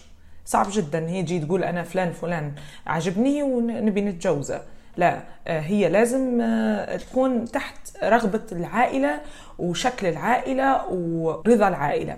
طبعا هذا ما ينفيش إن في في ذكور في مجتمعاتنا يتعرضوا لنفس نوع من الاضطهاد. ما عندهمش حرية الخيار لأن هذا موضوع أعمق شوية. لأن أصلا الأهل في ليبيا هم يشعروا بأن هم آه، هم اللي عندهم زمام أمور أبنائهم مش أبنائهم هم الناس اللي المفروض تاخذ القرار. فهمتني؟ لو لو نسيبوا يعني دائرة المجتمع والعائلة أنت التغيير اللي تشوفي فيه يمكن الأعمق اللي هي القيود القانونية يعني في الحاجات العملية يعني في الطلاق في الزواج في فرصة العمل في السفر في الحاجات الثانية هذه هذه طبعا هذه طارق هذه قصة طويلة. آه، أنا مثلا ما كنتش نعرف مدى قصور القانون الليبي في حق المرأة إلا لما مريت بتجربة الطلاق. ومن هذاك اليوم فعليا فعليا أنا آه، أصبحت نورة غير نورة اللي كنت نعرفها قبل. مريت بتجربة الانفصال الطلاق آه، زوجي السابق آه، تركني هو تركني وطلع برا البلاد لمكان غير معلوم وبدون أي إجراءات طلاق. وخذ لك إجراءات في المحاكم عشان توصل لمرحلة الطلاق. يقول لك والله هو مكانه مش معلوم. ما عندناش وين نبلغوه إنك انت تبي تخلعيه أو تبي تطلقيه. إذا انت مضطرة مجبرة تظلي حسب القانون الليبي ثلاث سنوات تحت آه، آه، أو شهادة شهود أو جيبي شهود يقولوا إنه هو هجرك أو تركك عشان تقدري تتحصلي على الطلاق. في مقابل هو خلال سنة من الم... أنا أنا ثلاث سنوات باش تحصلت على الطلاق. في محاكم وإجراءات وقضايا. في في في نفس الكفة تمام؟ هو خلال سنة قدر يتزوج من جديد ويكون أسرة وعيلة ولا سأل فيا. ولا سأل في هل أنا آه، مثلا الشخص هذا من حقه أنه ياخذ حريته أم لا من حقك. يعني أنا هنا جيت نقطة باهي كيف؟ أنا مش م... أنا مش مجبرة نقعد على ذمته كل المدة هذه عشان القانون يطلقني. فهمت؟ أنا مش مجبرة إني نتحمل آه، تكاليف الطلاق هذين كلهن فهمتني؟ بس لأن القانون فيه فيه قصر. هو في نفس الوقت قانونا ما مش مضطر إنه يخطرك أنت ولا يبلغك إنه هو حي... حيتزوج ولا شنو هو الإجراء اللي خداه سنة باش هو يتزوج يعني؟ لا طبعا هو لا هو أصلا لم يخطرني ولا ما ولا حتى أنا حتى في باله أصلا. هو تجوز هيك من لإله أنا نحكي على القانون ما جاش قال له والله أنت في عندك قضايا أخرى معلقة إنهيهن وبعدين تجوز وهذا هو هذا سؤالي في الق... قانونا يخش يسجل عقد زواج جديد وانتهت القضية. فيش ولا حاجة. لكن أنا ما نقدرش. لكن أنا كبنت ما نقدرش. يعني أنا ما نقدرش نمشي نتجوز طالما أنا ما زلت على ذمة رجل آخر. هو عادي هو لو مش مطلق لكن يقدر يتجوز عادي. هذه نقطة. النقطة الأخرى اللي هي مثلا قعدت نخمم بهي إحنا لو في دولة محترمة هو أصلا كان ممكن ما يطلعوش من المطار أو أنا لو درت اختار معين قبل ما يطلع هو يسافر راهو أنا مثلا ما يطلعش من الدولة هذه نين ينهي إجراء القانوني هذا؟ أنا شفت قصور رهيب في القانون الليبي لما جيت مريت بمرحلة الطلاق وقلت لك من يومها الحياة بالنسبة لي اختلف شكلها. من يومها قررت أن الدفاع عن حقوق المرأة حيكون جزء ومش جزء بسيط من حياتي. آه، الحظ أنا كان حليفي أن عيلتي كانت داعمة.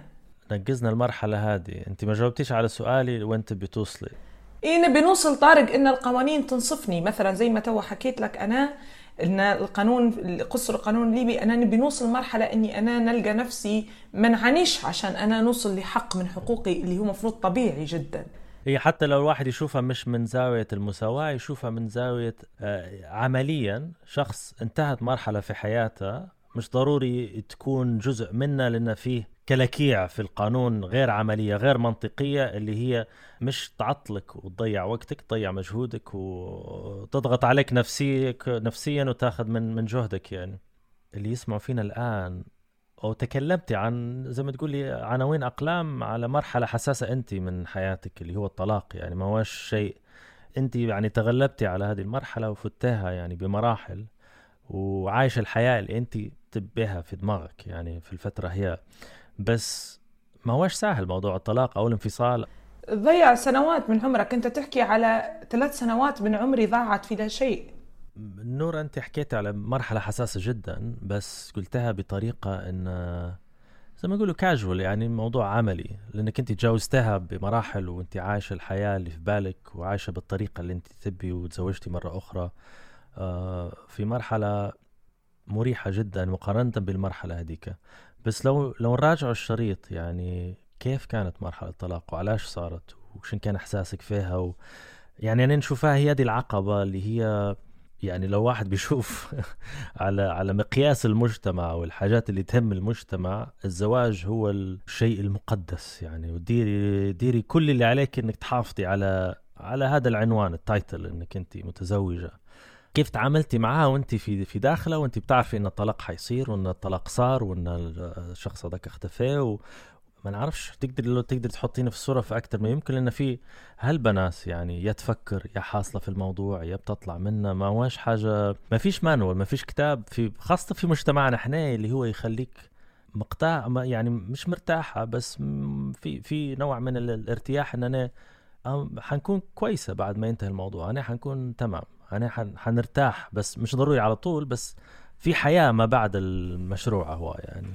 طبعا هو السؤال نفسه يردني ل لفترة زمنية في حياتي نتصور إن هي كانت من أصعب الفترات اللي مريت بيهن. أنت طارق لما حكيت على إن الموضوع في ظل مجتمع يحافظ أو يحب يحافظ على التايتل بتاع الزواج بالنسبة له شيء مقدس. آه، الناس الناس مش بس هيك تقيمك شخص فاشل أو ناجح من استمرار زواجك عرفت؟ يعني الناس ممكن تقيمك إنك أنت فاشل لمجرد إن أنت ما قدرتش آه، آه، تحافظ على زواجك عرفت؟ أو تحافظ على المؤسسة هذه. القصة طارق شوية عميقة ولا مش عميقة بس شوية غريبة. آه، عشان أنا آه، زوجي آه، مش حنحكي تفاصيل كثيرة بس هو هو فعليا يعني أنا كنت زوجي سابق ست سنوات عشت معاه ست سنوات. طبعا الست سنوات هذه مش perfect إن ups and downs ولا تقدر تقول يعني تمشي كويس وتخف تمشي كويس واللي هو هذا أمر طبيعي جدا في الزواج. الناس معتقدة إن الزواج لازم يكون بيرفكت هو توتالي نهائيا حاجة عبارة عن تجاذبات. يعني عبارة عن محاولة لخلق آه، مساحة خضراء تقدروا تعيشوا فيها أنتوا الاثنين بسهولة وببساطة. آه، بعيدا عن مفهوم الزواج اللي ممكن نحكي لك فيه في موضوع ثاني بس اللي صار إن هو زوجي قرر انه هو ينفصل والقرار هذا اتخذه من غير ما يرجع لي.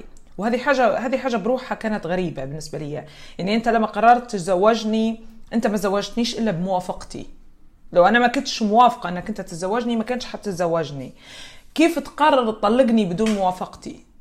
وهذه معضلة كبيرة أنا دائما نفكر فيها. ديما لما نشوف اثنين بينفصلوا نقدر نخمم. في واحد منهم يقرر إنه هو معشي بيستمر بدون ما يحسب حسبة الطرف الآخر. انت أنت لما قررت إنك أنت تتجوز القرار ما كانش قرارك بروحك. أنتوا اثنين اخترتوا ان أنتوا تتجوزوا. كيف الانفصال كل واحد منكم اللي قرر أو واحد هو اللي يجزم إنه خلاص فهمت؟ من غير نقاش ومن غير جدل. به أوكي. آه، أنت قررت إنك أنت تنفصل أو عندك رغبة أنت تقدر تطرح الموضوع هذا للنقاش ويصير في جدل. هو في الأخير بك الطرف الآخر لازم يتفهم يعني مش حيجبرك إنك أنت تعيش معاه مدى الحياة وانت وهو مش طايقك.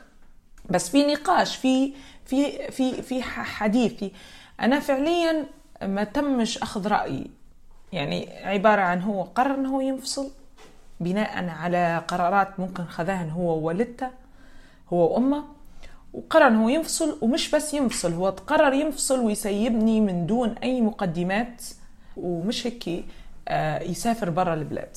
في نظرك أنت شن كانت الأسباب؟ باش الواحد يعني يقدر يحط نفسه في الموقف. يعني أنا واحدة من الحاجات أو اللي عانيت منهن أو الشيء اللي عانيت منه هو استمرار سؤالي لنفسي بشكل متكرر. ليش صار هيك شنو المشكلة اللي صارت؟ وين الغلط؟ الفكرة وين طارق؟ أوكي إحنا مشينا لمرحلة إن أنت قررت تطلقني أو قررت تنفصل عني خذيت القرار وقررت تسافر برا البلاد وتسيبني أنا في البلاد. تمام. أنت قررت القرار هذا يجب إنك أنت تكمله للنهاية مش تخليني معلقة وتطلع. خلاني معلقه وطلعت. أنا هنا صدمت بواقع القانون الليبي زي ما حكيت لك من بدري. صدمت بواقع التجربة المريرة متاع الطلاق. يعني أنت تعاني من مشكلة نفسية أصلا وتعاني من عدم ثقة في نفسك. تعاني من تفكيرك المستمر عن وبحثك عن الأسباب. تعاني من إن أنت أصلا عندك عواطف تجاه الشخص هذا والعواطف هذه باش تموت. يعني أنت كأنك تموت وتحيا من جديد معها. انت مش قادر تستوعب مدى تعودك على الشخص هذا وهو في فجأة ما قرر إنه يتخلى عنك فهمت؟ آه، صدمتك فيه أصلا كشخص يعني أنت تقول أنا الشخص هذا عشت معاه ست سنوات من حياتي أنا ما عمري تخيلت إنه ممكن يصير منه موقف زي هذا. بين كيف كنت عايشة معاه السنين هذين كلهن؟ خدعة كذبة وهم شنو هو بالضبط اللي أنا كنت عايشته وأحيانا مرات تشعر بالشفقة على نفسك إنك أنت كنت عايش مع إنسان سيء وأنت ما كنتش تعرف. تحس إن أنت مثلا كنت غبي في مرحلة ما من حياتك فهمت؟ أنت كنت يعني كان كان شخص هذا يستعمل فيك فهمتني؟ يعني مشاعر مهما نوصف لك ولا نحكي لك ممكن ما نقرب لكش لحقيقتهم. شنو اللي ساعدك في الفترة هذه؟ الفترة هذه شنو الحاجة اللي كانت نوعا ما مخففة عليك أو مريحاتك؟ ما فيش حاجة طارق للأسف الشديد نحب نقول لك إن إن التجربة هذه آه، ما فيش حاجة خفت علي وساعدتني ولا هونت علي وكذبة لو حد يقول لك هي فترة حتمر بيها حتشعر توصل لمراحل من اليأس عظيمة طارق أنا كنت في مرحلة ما كنت نقول يا رب بكرة بكرة نص الصبح نلقى روحي ميتة عشان أنا ما عنديش رغبة نواجه الحياة فهمت؟ ما عنديش رغبة نوض الصبح نتذكر السيناريو كله من جديد ونتذكر كيف القصة ونتذكر كيف أنا نبي نتأقلم وكيف نبي نعيش وكيف نبي نستمر وكيف نبي نكمل. آه، في في وأنا ما عنديش ما عنديش ما عنديش أي رغبة ما عنديش أي قدرة ما عنديش أي طاقة أصلا. أنا كنت نقعد راقده مرات ما نرقدش نقعد راقده نقول إن شاء الله ما يجيش الصبح ما نبيش الصبح يجي نبي الليل يستمر. آه وصلت بيا فترة آه ما نحكيش نحكيش. يعني نحط سماعات ممكن موسيقى هي أكثر صديق كان لي نحط سماعات في وداني نسمع موسيقى. آه، تخيل لما يجوا أهلي بيحكوا معي نحكي معاهم بالإشارات ما نبيش نفك الموسيقى من وداني ونسمع وحد ونحكي مع حد. يعني فترة من فترة من الزمن مرت علي وأنا هيك. فقدت قدرتي على التواصل مع البشر. آه، شعرت آه، بخجل. ممكن هذه أول مرة نقولها حاجة أول مرة نقولها. هذا يعني كل كل- المصادر هي طبعا خاطي الحاجات اللي شرحتها بالتفصيل يعني الفقدان والغش والصدمة إن آه، موضوع ال- ال- الفشل إن يعني يعني من ناحية من ناحية اللعبة الاجتماعية والمتوقع أنت فشلتي في في فشلتي في اللعبة هي خلاص يعني كان لو واحد يلعب في مونوبولي أنت خاسرة يعني. أنا شيء خلاني نشعر أخرى بالخجل أو أكثر شيء خلاني نشعر بالخجل كنت نخجل إني أنا نطلع مثلا نشوف أصحابي أو نقابل حد ويقولوا علي أن زوجها سيبها. آه، كانت بالنسبة لي صعبة فهمت؟ مش قادرة إني أنا مثلا تحشمت له تحشمت له هو فهمتني؟ آه، تحشمت إن مثلا مع مع العلم إن علاقتنا كانت جيدة ما كانش عندنا مشاكل عديدة؟ والناس كانت تشوف فينا good couples فأنا كنت متحشمة إن باهي كيف ما هم كانوا حيسألوني أنتوا كنتوا ديما الصورة إن أنتوا good couples فهمتني؟ شنو اللي صار؟ باهي شو بنقول لهم؟ ملياش تفسير. فهمتني؟ بالضبط باهي أنا شو بنقول لهم؟ فأنا شعرت بنوع من الخجل.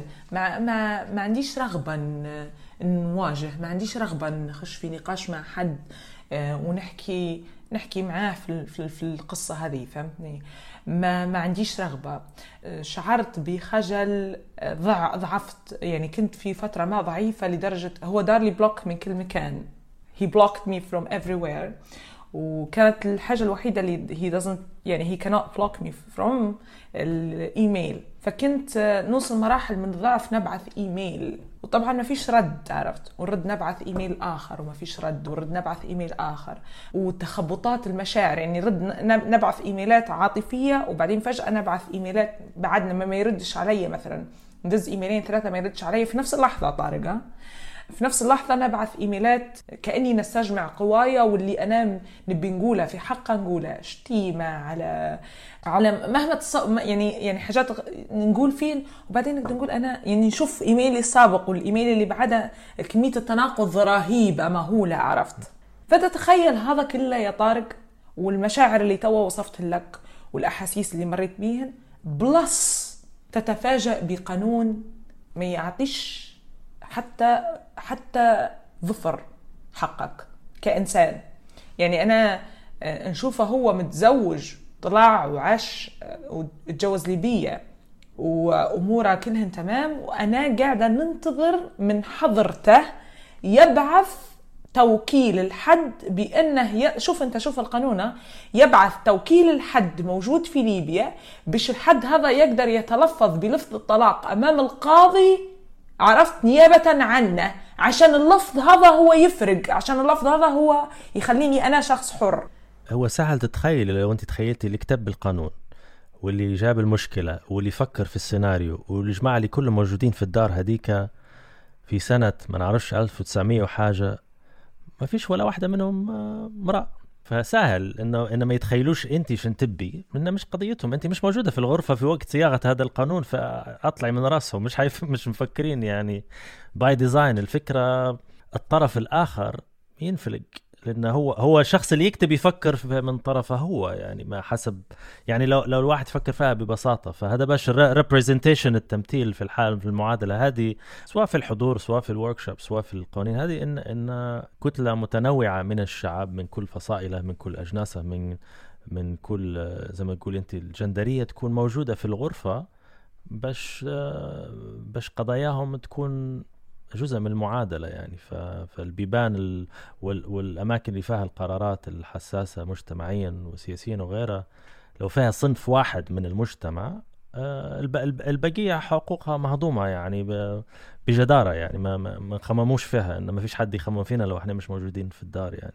بالضبط. وهذا ليش من من هالمنطلق من هذاك اليوم قررت حيكون صوتي عالي. آه، مش حنسكت وحنتكلم. مرة اثنين ثلاثة نين نوصلوا للتغيير اللي نحن آه، نحبوا نشوفوه. نين القوانين اللي في الدولة تتغير. يعني أنا زي ما قلت لك آه، ممكن أنا كنت محظوظة كفاية طارق إن عيلتي عائلتي كانت آه، جزء إيجابي في في رحلتي هذه. أنا أنا كنت محاطة بعيلة مثلا ما كانتش رافضة فكرة الطلاق. بالعكس مثلا أمي أنا كانت تقول لي ارتحتي. لو هو شخص مش كويس آه، وهو فعليا شخص مش كويس اذا أنت أنت محظوظة إنك أنت تحصلتي قدرتي تطلقي يعني وما تستمريش معاه. أخوتي مثلا ما كانش عندي حدود كنت نسافر كنت ندرس كنت نشتغل كنت نسوق سيارتي. ما فيش أي شيء تغير علي بالعكس أنا حتى يعني أثناء يعني لربما وضعي بعد الطلاق أفضل بمراحل من وضعي قبل الطلاق بالنسبة للحياة المجتمعية. فأنا كنت محظوظة بس أنا كنت دائما نفكر ماذا لو أنا كنت في عائلة مش هيك أنت متخيل يعني الضغط الألم العاطفي اللي نمر به أو المشكلة العاطفية اللي نمر بها القانون كيف مش منصف بلس نشوف في اجحاف مجتمعي في حقي. يعني آه انت تحكي عن شخص فعليا ممكن ينهي حياته بكل بساطة لو يمر بحاجة زي هذه. فأنا نشوف في نساء واجد انهن شجاعات ما زالن يستمرن وما زالن يقاومن ما زالن قدرات انهن يستمرن في الحياة ما زالت عندها رغبة في الحياة ما زالت متمسكة في الحياة.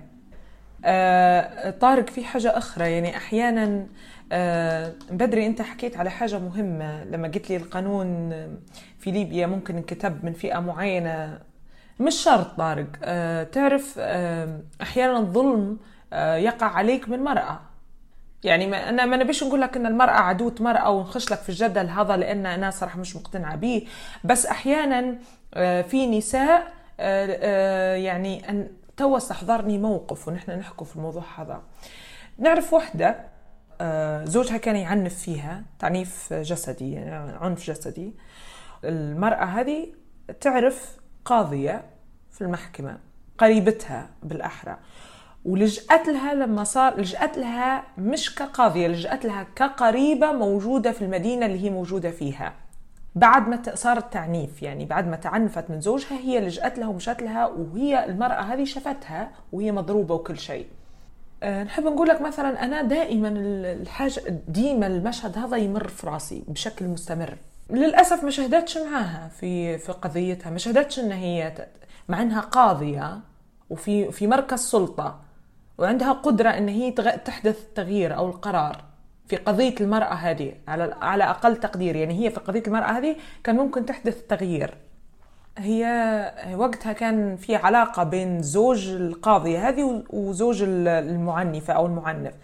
فاتخذت قرار إن هي ما توقفش معاها. فأحيانا يعني الفكرة اللي نحب نوصلها إن مش شرط إن الاضطهاد جاينا من من الرجال بس. البنية المجتمعية ككل في ليبيا هي بنية ذكورية. أو ما بيش نقول ذكورية لأني ما بيش نستخدم التنميط هذا. هي بنية معتمدة على أن أن الجنس هو أفضل من جنس. والتفكير هذا أو الحاجة هذه موجودة في دماغ آه، الجنسين مش بس جنس دون جنس. آه، أعتقد وبناء على تجربتي اللي أنا مريت بها طارق إن أنت فعليا فعليا مش حتحس بحد إلا لما تمر أنت بالتجربة. يعني أنا كنت نقول أنا كيف كنت مغيبة قبل التجربة هذه عن الموضوع هذا فهمت؟ كيف كيف ما عمريش حسيت بالناس اللي كانوا يمروا بأزمات زي هذه؟ فهمت؟ كيف أنا ما حكيتش عليهم قبل هيك؟ دائما اللوم في نفسي إني أنا مثلا ما, ما كنتش مني مري وفي نفس الوقت نلقى في عذر للناس. نتعرض لاضطهاد من كون ان آه، مطلقة. مثلا آه انت مطلقة فهمت؟ نقول عادي نعذرهم لأن هم لو مروا بيها لو حسوا بيها كانوا حيغيروا فكرتهم تجاهي. لأن ما فيش أصوات تحكي في قصتها زي ما أنت تحكي في قصتك. يعني بكثرة وفي مراحل مختلفة لأن الموضوع فيه خصوصية والناس نوعا ما مزعجة في تقبل المواضيع هذه. وتعرفي يعني السلطة الاجتماعية البوليس الاجتماعي والناس والناس شنو يقولوا قوية جدا جدا جدا. وتسيطر على هلبة مواقف وتطمس هلبة أصوات يعني. بس أنا في خلال المرحلة هذه نحس فيها هذه المرحلة اللي أنت فعلا زي ما قلتي بعد الطلاق استكشفتي نفسك بديتي تشوفي في نفسك لأن ما فيش شخص قنن فيك نوعا ما وأنت يعني التساؤلات هذه تخلي الحد يفهم نفسه أكثر ويبحث عن إجابات لحاجات هي مضايقاتها من زمان ويغير في أشياء. أحكي لي يعني بداية مرحلة نورا الآن يعني وين بدت هل بعد السفر من ليبيا؟ هل بعد ما أخذتي وظيفة معينة؟ الحجاب قبل الحجاب. آه وفي في فكرة في في دماغي انت قلتي لي أنا قلتي قاعد نشتغل على انت قاعدة تشتغلي على نورة لأن عندك مشروع معين تبي توصلي له. هذه الآن. بس قبل الفكرة هذه اللي هي نورا نسموها 2.0 ولا 3.0 كيف حسيت إن أنا لا الموضوع هذا فرصة. أنا نقدر ندير اللي نبيه ونقدر يعني نستمخ في شغفي يعني اللي هو اللي يخطر على بالي ونتعلمه ونديره يعني. وين المرحلة اللي أصبحتي تشوفي في الموضوع هذا فرصة يعني؟ لو كان هذا واقع يعني هذا استنتاج يعني. هو هو الحقيقة طارق أنا فعليا من بعد طلاق آه، من بعد ثلاث سنين العذاب اللي عشتهن سواء كان على صعيد نفسي أو على صعيد قوانين الدولة والإجراءات والقصص هذينا بعدين صارت إني أنا نشعر بأكثر استقلالية. يعني قعدت نشعر إني أنا مستقلة أكثر إني أنا عندي قدرة على اتخاذ قراراتي بشكل أكثر آه، مستقل. أصبحت آه، حاول إني أنا آه، نبني أو بدأت تنبنى شخصيتي بشكل شوية مختلف. بديت ناخذ منحنى شوية يختلف. تعرفت على زوجي الحالي اللي أنا معاه. هو تعرفت عليه حقيقة من قبل حتى يعني أثناء فترة طلاقي ولكن وقتها كانت الأمور مشوشة أنا مشوشة مانيش شخص جاهز إني أنا نكون في علاقة جديدة ما كانش ما كانش عندي قدرة إني أنا مثلا نجازف من جديد نشوف ما عنديش ثقة في نفسي لا أملك ثقة في نفسي إني أنا نجازف من جديد. ظلت الحاجة هذه معلقة. بعد ثلاث سنين الرؤية كانت أوضح. آه، بديت نشوف في نفسي أكثر آه، وضوح. بديت نقرر أنا وين نبي نكون. بديت نشتغل على نفسي أنا وين نبي نكون بالضبط. step by step مشات الأمور بس في عراقيل طبعا. ما فيش إنسان أموره تمشي 100% حقيقة طارق الغريب في الأمر إن ما أنا عليه اليوم كشخص مثلا إعلامي يطلع على التلفزيون مثلا؟ خلينا ناخذ الجانب هذا. آه، ما كانش في حسباني آه، للأمانة وبكل وضوح. يعني أنا ما فكرتش في يوم إني أنا حنكون شخص يطلع على التلفزيون. آه، كان كانت الخطة اللي في بالي إني أنا نشتغل في في منظمات إنسانية منظمات للدفاع عن حقوق الإنسان كان حتى عندي خطط وما زالت قائمة خطط إني أنا I go volunteer somewhere in the world نمشي نتطوع في مكان ما في العالم نخدم فكرتي الدائمة أن عملي طبيعي الإنسان ما يقدرش يعيش من غير فلوس ومحتاج أنه هو يخش عليه دخل بس دائما عندي الفكرة الغالبة علي أن أنا شنو بنقدم للإنسانية أنا شنو بنقدم للأرض اللي أنا عايشة عليها؟ آه، أنا شو المفروض نقدم للبيئة اللي حواليا أنا جزء منها يعني أنا ما ناخذش بس أنا المفروض نعطي. فدائما هذه الفكرة اللي تسيطر علي أو مسيطره علي بشكل عام وإلى الآن هي مسيطرة علي. لقيت نفسي آه، انتقلت من ليبيا إلى تركيا بحكم عمل زوجي. أصبحت آه، فجأة من في ليبيا كنت نشتغل أكثر من شغل مش بس شغل واحد. I volunteer I do a lot of works نمشي نتطوع نشتغل في في منظمات مؤسسات حاجات آه، ندير فيهن activities كل الأشياء هذه لقيت نفسي فجأة جيت المدينة أو دولة وما عنديش أصحاب ما عنديش حد إلا زوجي وفجأة آه، من غير شغل وقعدت سنة من غير شغل. حاولت خلال السنة هذه إني أنا نقرأ كتب نعبي وقتي ندير شيء هيك لعند ما تحصلت على الوظيفة للأمانة أنا ما زي ما قلت لك ما كنتش نتخيل نفسي في المجال الإعلامي سواء كصحفية أو ك... كإعلامية تظهر على التلفزيون رغم أني اشتغلت على الموضوع. يعني خليني نقول لك إن في جزء كبير خدمته على فكرة يعني حاولت نربط الصحافة بحقوق الإنسان والمواضيع هذه. اشتغلت عليه خذيت دورات. كتب اللي كنت نقرأ فيها كانت في نفس المنحنى. آه، كنت دائما مطلعة. آه، التويتر بتاعي على سبيل المثال كان دائما فيه تطرق آه، إذا أنت متابع أو الناس اللي تسمع فينا متابعين. دائما في تطرق لمواضيع إنسانية دائما في تطرق لمواضيع تهم المجتمع دائما في تطرق. يعني already أنا خدمت على ال part هذا بس ما عمريش تخيلت نفسي أو تصورت إن حنوصل لل point هذه أو حنكون في في حاجة أنا ما تخيلتش نفسي بيها. حصلت على التشانس وحبيت إن آه، زي ما لما في الأول طلعت في برنامج لله حبيت انه يكون صوتي مسموع حبيت انه نكون جزء يمثل آه، شريحة معينة قدروا يوصلوا صوتهم. أتمنى نكون أنا قدرت نوصل صوتهم حتى على أقل تقدير آه، ممكن. يعني حاولت إني أنا نكون عندي حضور. عندي قدرة أنا نقول كلام آه، ممكن ما نقالش على التلفزيون قبل هيك حاولت إني أنا نقول آه، آه، نكون صادقة اللي أنا أنا يكون ظاهر للناس. من ال point هذه أو من ال point تحملت مسؤولية الخروج على الشاشة أو على التلفزيون حياتي تغيرت أفكاري تغيرت ونظرتي للمستقبل تغيرت. نشوف في نفسي إني أنا نشتغل على نفسي أكثر نشوف في نفسي في أماكن أخرى نشوف في نفسي في مكانات آه، مش محلية. آه، نشوف في طموحي أكبر من مجرد شخص يتحدث عن حقوق المرأة. مش لأن حقوق المرأة سهلة أو أو لأن الناس تعتقد إني أنا مثلا ننظر لها حاجة بسيطة لا.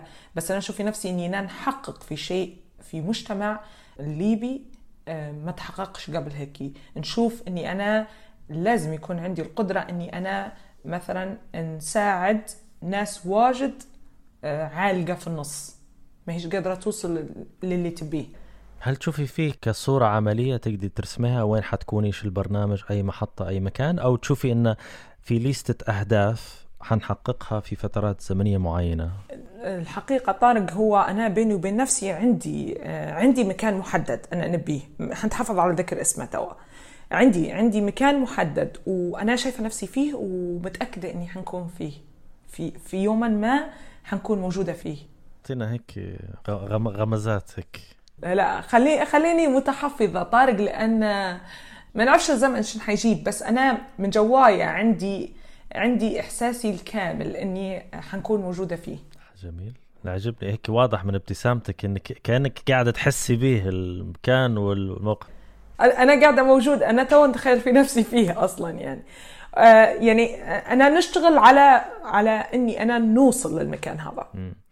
بس الواحد يكون في الصورة هل هو برنامج تلفزيوني أو أو هل هو مشروع؟ هل هو برنامج تلفزيوني في محطة تلفزيونية محددة.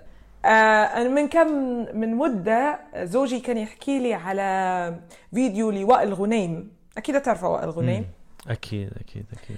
وائل وقتها حكاه على إنه هو ارتفض أكثر من مرة وقدم على نفس الوظيفة في أكثر من مرة. okay, okay. وسنوات. مم. سنوات. يحكي على سنوات مش سنة واثنين سنوات وهو يعاود يقدم على نفس الوظيفة. ففعليا أنا آه، شايفة نفسي نفس آه، يعني أعطاني inspiration وائل شايفة إني أنا حنقدم مرة واثنين وثلاثة لما نلقى نفسي في المكان. هو على فكرة فيه في TEDx صغيرون تقريبا موجود على اليوتيوب. نسيت اسمها بس هي هي اللي آه، زي ما تقولي فتحت موضوع اي جي بلس في كل الدول. هي بدايتها قدمت مجموعة مرات تقول لها أنت أنت مترجمة مالكش علاقة بالصحافة. ما عندكش الموجود المطلوب غير متوفر فيك. أنسي مرة اثنين ثلاثة. قدمت خمسة ستة مرات حطوها intern يعني internship وهي اللي هي فتحت ستة مكاتب حول العالم الآن يعني. بالضبط. القصص هذه أنا شايفة نفسي فيهن. أنا شايفة أني أنا واحد من الناس هذوما اللي يوما ما حنجي نقول لكم أنا قدمت 20 مرة خلال العشر سنوات في المكان هذا وفي الأخير أنا نشتغل فيه تو حاليا. أنا نورا في في نقطة مهمة جدا يعني آه لكلنا في عصر ال social media اللي هي ال self image يعني أو أو صورة الشخص لنفسه. وفي نفس الوقت لما حد يكون في في الشاشات الكبيرة زي التلفزيون وغيرها العين عليك 24 ساعة وآراء الناس طبعا ما شاء الله يعني إحنا في في توقيتاتنا إحنا. وأنت مريتي هذا العذاب بحد ذاته. أنت أنت مريتي بهلبة transformations وفي منهم visual في منهم شكلية. يعني اللي بنسألك مش واضح الموضوع صعب يعني بس آه، شنو أكثر نقلة أثرت فيك بطريقة إيجابية مثلا؟ وشن كانوا السلبيات؟ التغيير الحقيقي اللي أنا فعلا آه، حسيت به أنا كشخص وفي نفس الوقت آه، تعليقات الناس أو آه، كيف الناس تشوف فيا هو تغييري في الوزن. يعني أنا درت عملية تكميم كنت واضحة جدا وصريحة about الموضوع. هذه واحدة من الحاجات بتاع ال self image كيف؟ أنت تحكي عن ال self image معظم الناس تلجأ ان هي تدير عملية ولا تدير كذا ومتحاول إن هي آه، تخفي الأمر أو ما تحكيش عليه. أنا كنت صراحة آه، ما عنديش أي أدنى رغبة إني أنا ندس الموضوع. آه، تحفظت في الأول فقط في الأول تحفظت أول ما بدأ وزني يضعف زيادة اللي هو بدأ يبان علي كنت واضحة وكنت حابة أصلا جدا إني أنا نشارك الناس بتجربتي آه، مش من أجل إني أنا كنت خايفة وكنت مترددة إني أنا نشارك الناس تجربتي لأن أنت تعرف لو أنا أثرت على حد دار عملية وصارت له اي حاجة هذه مسؤولية أنا نتحملها. فأنا كان الفيديو مدروس لما نزلته حكيت فيه آه، الحقيقة كاملة. ما حبيتش إني أنا نكون آه، نخلق تأثير على عقول الناس بقدر ما أنا نشارك التجربة في حد ذاتها. عشان هيك كانت الفيديو بتاعي في حكيت فيه بالتفاصيل الألم اللي مريت به العذاب اللي نمر به كل شيء. النقلة الأخرى النوعية هي أول حاجة طبعا أسلوب حياتي تغير تماما طارق. يعني أنا حاليا نعتبر شخص آخر. أسلوب حياتي في الأكل أسلوب حياتي في النوم الصحة حياتي مع زوجي نفسها حياتي الزوجية يعني. هذا part الحياة العملية part آخر. كيف قدرت إني أنا نستوعب نفسي بشكل جديد؟ في ناس أصحابي المقربين يقولوا لي نحن مش قادرين نتذكروك لما كنتي سمينة كيف كنتي. كنت خايفة واجد إن أنا شخصيتي تتغير. وكان حتى اللي حواليا خايفين ان أنا لما نضعف شخصيتي تتغير. واللي هي حاجة أنا مانيش مستوعبتها يعني دائما نقول كيف واحد يضعف شخصيته تتغير بس لأني ما مريتش بيها فما نعرفش ما نعرفش تفاصيلها. يعني ما نقدرش نحكم على تجربة أنا ما مريتش بيها قبل قبل ما ندير العملية الكلمة لما درت العملية فعليا شخصيتي ما تغيرتش بس الناس اللي حواليا أنا مش حاسة نفسي إن شخصيتي تغيرت. الناس يقولوا لي لا في في تغيير أكثر أصبحتي أكثر إيجابية. بس الفرق الوحيد إن أنا نظرة الناس الغرباء في الشارع لي يعني نتذكر زمان لما كنت مليانة كيف كنت وكيف كنت ولما بديت نضعف مراحل الضعف اللي في النص وتوا وأنا ضعيفة. أنا نحكي على الغرباء سواء كان على ال social media سواء كان في الشارع. أصحابي الناس المقربين مني نظرتهم واحدة ما تغيرتش. وتعاملهم معايا واحد. الناس اللي في ال social media لما كنت سمينة كانوا يقولوا لي سمينة. بس نحب نقول لك يا طارق توا أضعاف كلمة كنتي سمينة نسمع في كنتي شي... قعدتي شينة. أضعافها. يعني أنا كنت ن... كنتي سم... أنت سمينة كنت نسمع فيها مرة بعد إيش. فعليا توا ما فيش صورة تنزل على ال social media ما فيش فيديو ينزل على ال social media. ما نسمعش فيه ما نشوفش فيه ما, ما نسمعش الناس أصلا تشوف لي ضعفتي واجد قعدتي شينة شينة راكي شينة أنت شينة أنت شينة كمية مهولة شو تحليلك لها؟ تحليلك إن عدم تقبل التغيير إن إن إحنا إحنا يعني في في عقدة من حد يمسك زمام أمور حياته وياخذ فيها قرار ولا ولا في زاوية أخرى تحسي يعني؟ تعرف أنا أمس كنت أتناقش مع أختي في التليفون نحكي عن نفس الموضوع ومضايقني. للأمانة أنا مضايقني الموضوع. يعني أنا لما نسمع حتى من أشخاص غرباء ممكن الناس تستغرب كيف أنا كشخص قوي وشخصيتي قوية نتاثر من كلام الناس. بس لما نسمعها أكثر من مرة من أكثر من حد أنا بني آدمة عندي مشاعر وأحاسيس عرفت؟ مهما كنت قوية أنا تأثر. يعني لما حد يقول لي أنت راكي شينة قعدتي شينة بشكل مستمر وغير طبيعي أنا مش مستوعبة. فأنا مكلمة أختي وأنا ماشية للشغل مكلمة أختي نحكي معها في نفس الموضوع. نحكي لها هو بديت أصلا بحكاية أن أنا هو أنا ضعفت زيادة عن اللزوم هذه هذه أنا معترفة بيها. okay طارق؟ والأمر مش في يدي لأن أسلوب حياتي في الأكل تغير جدا. باش نقولوا perception معين آه، ضعفتي زيادة على اللزوم كيف تحسبي فيها أنت؟ تحسبي فيها من من من بداية العملية للآن؟ آه الوزن وال آه في يعني مثلا أنا طولي متر 68 يفترض وزني يكون ما بين ال 64 و 65 كيلو. أنا فعليا حاليا حاليا وزني 58 كيلو اللي هو حوالي آه حوالي كم كيلو الفرق؟ ستة أقل يعني. بالضبط 6 كيلو أقل من من الوزن الطبيعي أوكي؟ وعماله ننزل يعني ماشية في النزول فهمتني؟ بحكم بحكم نوعية الأكل يعني. بالضبط أه بحكم طريقة الأكل ونوعية الأكل الاثنين فهمت؟ فلي وما نتريضش للأسف إني أنا ما عنديش time نمشي ندير رياضه عشان نوقف نزول في الوزن. فاللي يصير إني أنا فنتناقش مع أختي آه نتناقش مع أختي نحكي معاها عادي in general قلت لها آه ماشيه نقيس في بنطلونات نبي نشتري بنطلونات. آه لقيت نفسي خشيت على مرحلة الأطفال. يعني نشتري في آه، بنطلونات أطفال. فقلت لها الإكس سمول ما عادش قاعد يجيني يجيني واسع. خلال فترة كم يعني سنة. فعليا تو لي سنة بالضبط من العملية. بس اتس اتس يعني باش نقول الواحد بالنسبة لتغيير تغيير آه، يعتبر درامي يعني سريع جدا صح؟ ولا ما تحسيش أنت بهذا؟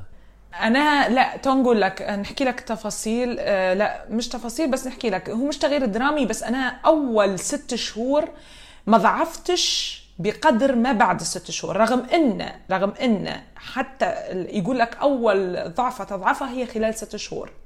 يعني الضعفه الدراماتيكيه تصير خلال ست شهور بعدين تبدأ تقل. أنا فعليا صار لي عكس الناس. علاش؟ ما نعرفش هو كل جسم وكيف يتعامل. أنا فعليا اللي صار لي إني خلال أول ست شهور كان ضعفي طبيعي يعني كنت ننزل طبيعي والناس متقبلة شكلي ونضعف بشوية بشوية. من بعد الست شهور صار لي drop في نزول الوزن بشكل رهيب. هل تأثر على الطاقة، الحركة، التركيز، الحاجات هي؟ توا نعم, نعم. آه، توا. في الأول ما كنتش حاسة زي ما قلت لك توا خلال الشهرين الأخيرة هذه خاصة لما قاعد ينزل شوية تحت الطبيعي. نحس روحي مثلا خاملة تو مضطرة مثلا نمشي ندير تحاليل كاملة عشان نشوف هل وضعي طبيعي أم لا هل أنا عندي أي ضعف ونقص. مع إني أنا ناخذ في فيتامينات بشكل مستمر بس آه، الفترة الأخيرة ممكن مع الستريس الشغل وكذا نحس روحي مش قادرة نركز. عرفت؟ في حاجة عندي عندي عندي خلل عندي مشكلة ما أنا محتاجة نشوفها.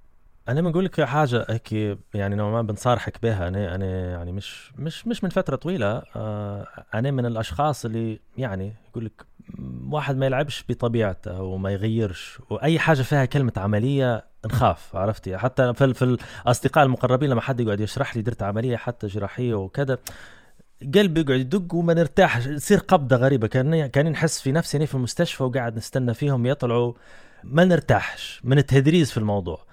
باش نقول لك زوجتي وبنتي جودي يتفرجوا على العمليات الطبية والجراحة و excitement جو مليح. أنا تلقيني هارب في الدار الثانية ما نحبش. هذه حاجة. الجزء الآخر تغيير يعني في الشكل وغيره. واحد كنت judgemental يعني judgemental كثير إنه كيف الشخص يعدل ويغير وكذا. مؤخرا نعرف إن أنا في حاجات تضايق فيها في نفسي. ولو نعدل فيها نحيها نغير فيها نطور فيها حنرتاح منها ونخش في مرحلة بعدها. يمكن يغير في نفسه ياخذ هو ال control وهو حر في نفسه في حاجات هو ضايق فيه يعرفها وعنده دراية بها أكثر من الناس طالما إنه هو هذه حاجة تريحه وما لهاش علاقة بحد. فمؤخرا قاعد نستكشف يعني سواء داخليا زي عملية زي ما أنت قلتي موضوع التكميم أو في يعني حط في بالي يعني القدام لو حد داير عملية أخرى حتى في المظاهر الخارجية فقاعد نشوف فيه هذه يعني مش إنه بس فقط عملية حريات شخصية إنه هو هذه حاجات تلعب في نفسية الشخص تحسن فيها ومهمة مهمة جدا يعني. أنا مثلا التغيير جدا إيجابي. أنا أنا شايفة نفسي أنا شخص جديد. أنا انولدت من جديد. أنا شايفة نفسي أنا شخص قادر ان هو يواكب الجيل متاعه. يعني أنا في فترة ما حسيت نفسي أنا أكبر من عمري عرفت؟ بسبب وزني الزايد عرفت؟ مش قادرة آه، نعيش. الناس اللي عايشة في عمري آه، فترة حسيت نفسي إني أنا مش مناسبة آه، مش مناسبة لزوجي مثلا. على سبيل المثال بكل وضوح شفافية رغم إنه هو عمره حسسني بالشيء هذا وكان ممكن يحبني مليانة أكثر من توا وأنا ضعيفة. بس دائما كنت نشعر إن لا أنا مش أنا شكلي مش فت فهمت؟ مش مانيش فت لل طول الوقت أنا حاليا نشعر بكمية ثقة في نفسي غير عادية رغم أني حتى زمان كنت واثقة من نفسي راه. وحتى لما دائما نعتمد على على على شخصيتي دائما نعتمد على أفكاري دائما نعتمد على على اللي أنا جوايا مش شكلي. بس أنا تو حاليا عندي الاثنين عندي جوا وعندي برا. فثقتي أعلى بمراحل. بنسألك نور على حاجة مهمة في هذا اتخاذ القرار. ما هوش بين يوم وليلة ولا في شهر؟ كي- كيف تجاوزتي انه okay ما هياش عملية بنحي ضرس في سني ويوجع فيا وبنطلع الأمور كذا في في تغيير شامل وكامل. كيف؟ يعني لو تديري زوم إن بس موضوع اتخاذ القرار إن أنا تمام. يس تمام. جاهزة واللي بيصير يصير يعني. بدون أي نفاق تمام. وبدون أي كذب وبدون أي آه، آه، كلام تنمية بشرية خليني نقول طارق. فعليا بالنسبة لي كان العائق الوحيد في اتخاذ قراري هذا هو العائق المادي.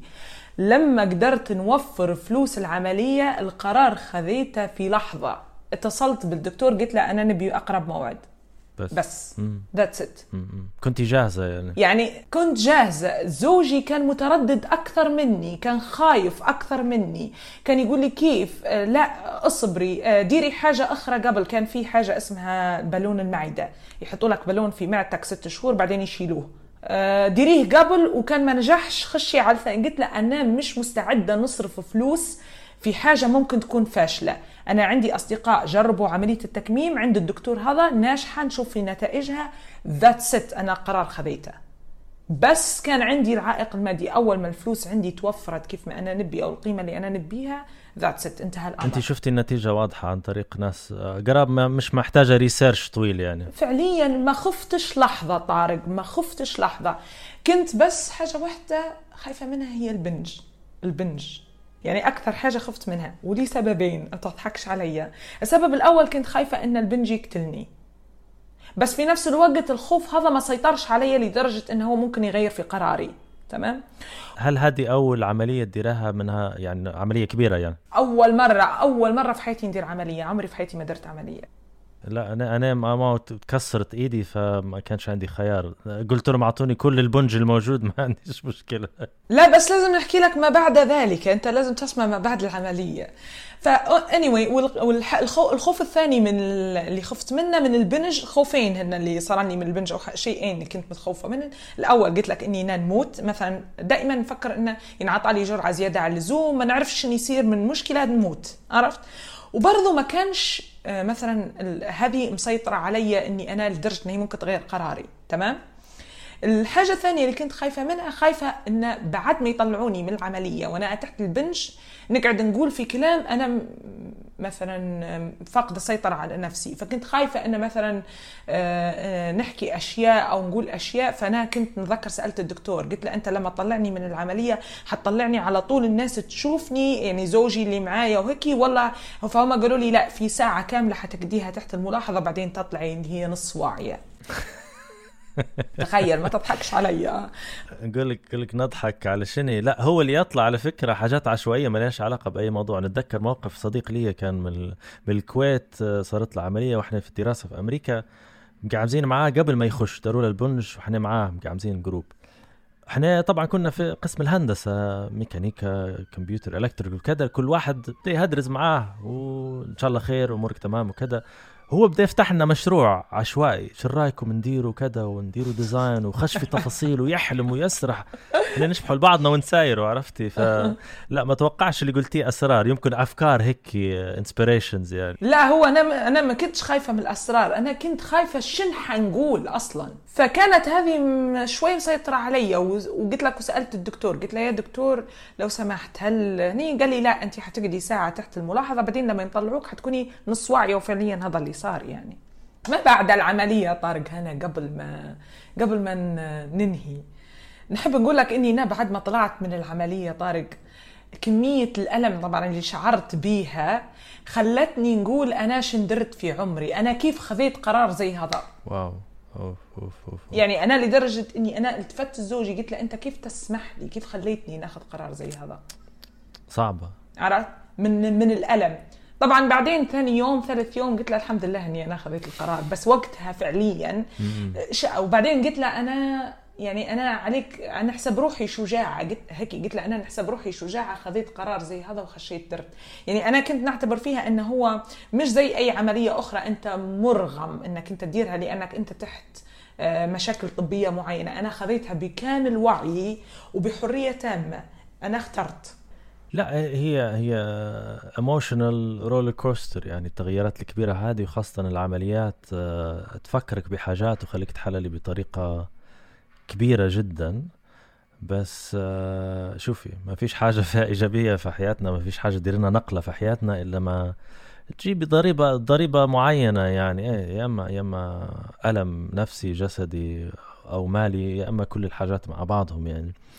أنا ما نبيش ننهي بطريقة تقليدية بتاع مستقبل. أنت حكيتي على المشروع الكبير ففي بالنا أنك أنت عندي هدف. هدف واضح. لما يجي وقت بالك تديري لنا tweet هيك نبدو نفهم تفاصيل آه ما نبيش نسألك على روتين يومي وشو نديري وكذا لأنك تكلمتي minimalist وحاجات مصنفة وتفكري في اللي تشري فيه وتخططي في أمورك اليومية وتستمتعي باللحظة. آه، فالقيمة هذه واضحة جدا. بس بنسألك في حد مش ضروري بنت آه، حد يعني في مكان صعب آه، ما عندهاش كنترول كبير على كثير من زمام الأمور اللي تتعلق بحياته مرات في مرحلة حساسة نقول ثانوي أو في نص الجامعة لو يدرس. شنو ثلاث نصائح اللي تخلي شخص هو يتطلع لمستقبل أو يتطلع لمرحلة لقدام. شنو ثلاث أشياء اللي ممكن تساعده يتعامل مع الموقف الصعب اللي هو فيه الآن بطريقة عملية؟ يعني سواء كنترول في التفكير سواء تعامل مع الوقت سواء تعلم حاجة معينة سواء حاجة أنت تخاطر على بالك أنا مش خاطر على بالي يعني. هو سؤال صعب الحق. آه، أنت تحكي على شخص مثلا في فترة عمرية صعبة هو مازال ما صقلش نفسه ولا ولا قدر يحدد أهدافه ولا قدر بس هي مش هي مش ثلاث نصائح ولا ثلاث كلمات ولا هي هي حاجة واحدة بس. آه، جرب. آه، آه، جرب التجربه هي اللي حتقودك. يعني ما تنغلقش على نفسك وتخاف من التجربة. جرب. جرب لأن أفاقك حتوسع مع مع التجربة هذه. هي اللي حتشيلك لوين انت تبي هي اللي حتقدر تحدد انت من انت شن تبي في الحياة انت شن شن شن, شن هو هدفك في الحياة بالضبط. إذا انت ما جربتش مش حتعرف. نورا حنجرب. ما زال قاعد نجرب أنا يعني. منورة جدا وصراحة استمتعت و... ومتشوق لمشاريعك وأفكارك القدام. لو في حاجة تانية تبي تضيفها من عندك؟ عندي حاجة واحدة بس نحب نضيفها إن لازم يا طارق آه، تستمر. آه، برنامجك أكثر من رائع وزي ما قلت لك من الأول ظاهرة في عالم السوشيال ميديا آه، ظاهرة في في أصلا البرامج الليبية ككل. نتمنى نشوفك برنامج مرئي للأمانة على التلفزيون. هارب من هارب منا الموضوع هذا لعدة أسباب بس لا نفكر فكر هو هو جميل جدا هيك والكونسبت رائع. أنا أنا كنورة كشخص متابع نتمنى. بس ما نعرفش هل هو حينجح ما ينجحش. جميل مش جميل. أنا أنا نتخيل فيها امنيه نتخيل فيها. نتمنى إن عدد الناس اللي تسمع يكون آه، كبير ويزيد الانتشار لأن فعليا نحن نتعلموا من تجارب لا هو في برنامج يوتيوب محتوى مختلف شوية بنفس الأفكار ب control أسرع نوعا ما مونتاج مختلف. صراحة نشكرك جدا الدعم ومن البدايات والفيديو اللي نشرتيه أنت من الموسم الأول يعني أتذكر مش حتى بعده وإحنا إحنا تو في الموسم الرابع ف لولاك ولولا مجموعة من الناس اللي تقبلت وفعلا تبنت الفكرة آه مرات قاعد نهدرز مع نفسي ممكن داير حلقة عشرين طارق يكلم في طارق بس يعني ف anyways loads of luck طارق. كل أمنياتي لك بالتوفيق والاستمرارية. يعني نتمنى إني أنام. يعني حتى لما وقفت علينا بين ال season وال season كسدنا. أنا أنا فعليا نركب في السيارة ما عادش عندي رغبة نسمع music نبي نسمع طارق لكن طارق مش قاعد. هذه حلقة الأسبوع. كنت معاكم طارق الميري. يا ريت تتابعونا على الإنستغرام في حساب دميري dot official اللي هو D E M E R I dot O double F I C I A L الجرافيك كان من تصميم نانكا designs والموشن جرافيك المتحرك من تصميم مصطفى بن عمران وتصميم من محمد اللافي. وفي الحلقة الجاية حتسمعوا Like, what's your take on money in podcasting? Yeah, dude, there's a lot of money to be made, regardless of how niche you are. I think understanding who your audience is the most important part. هذا هو نتلاقوا الأسبوع الجاي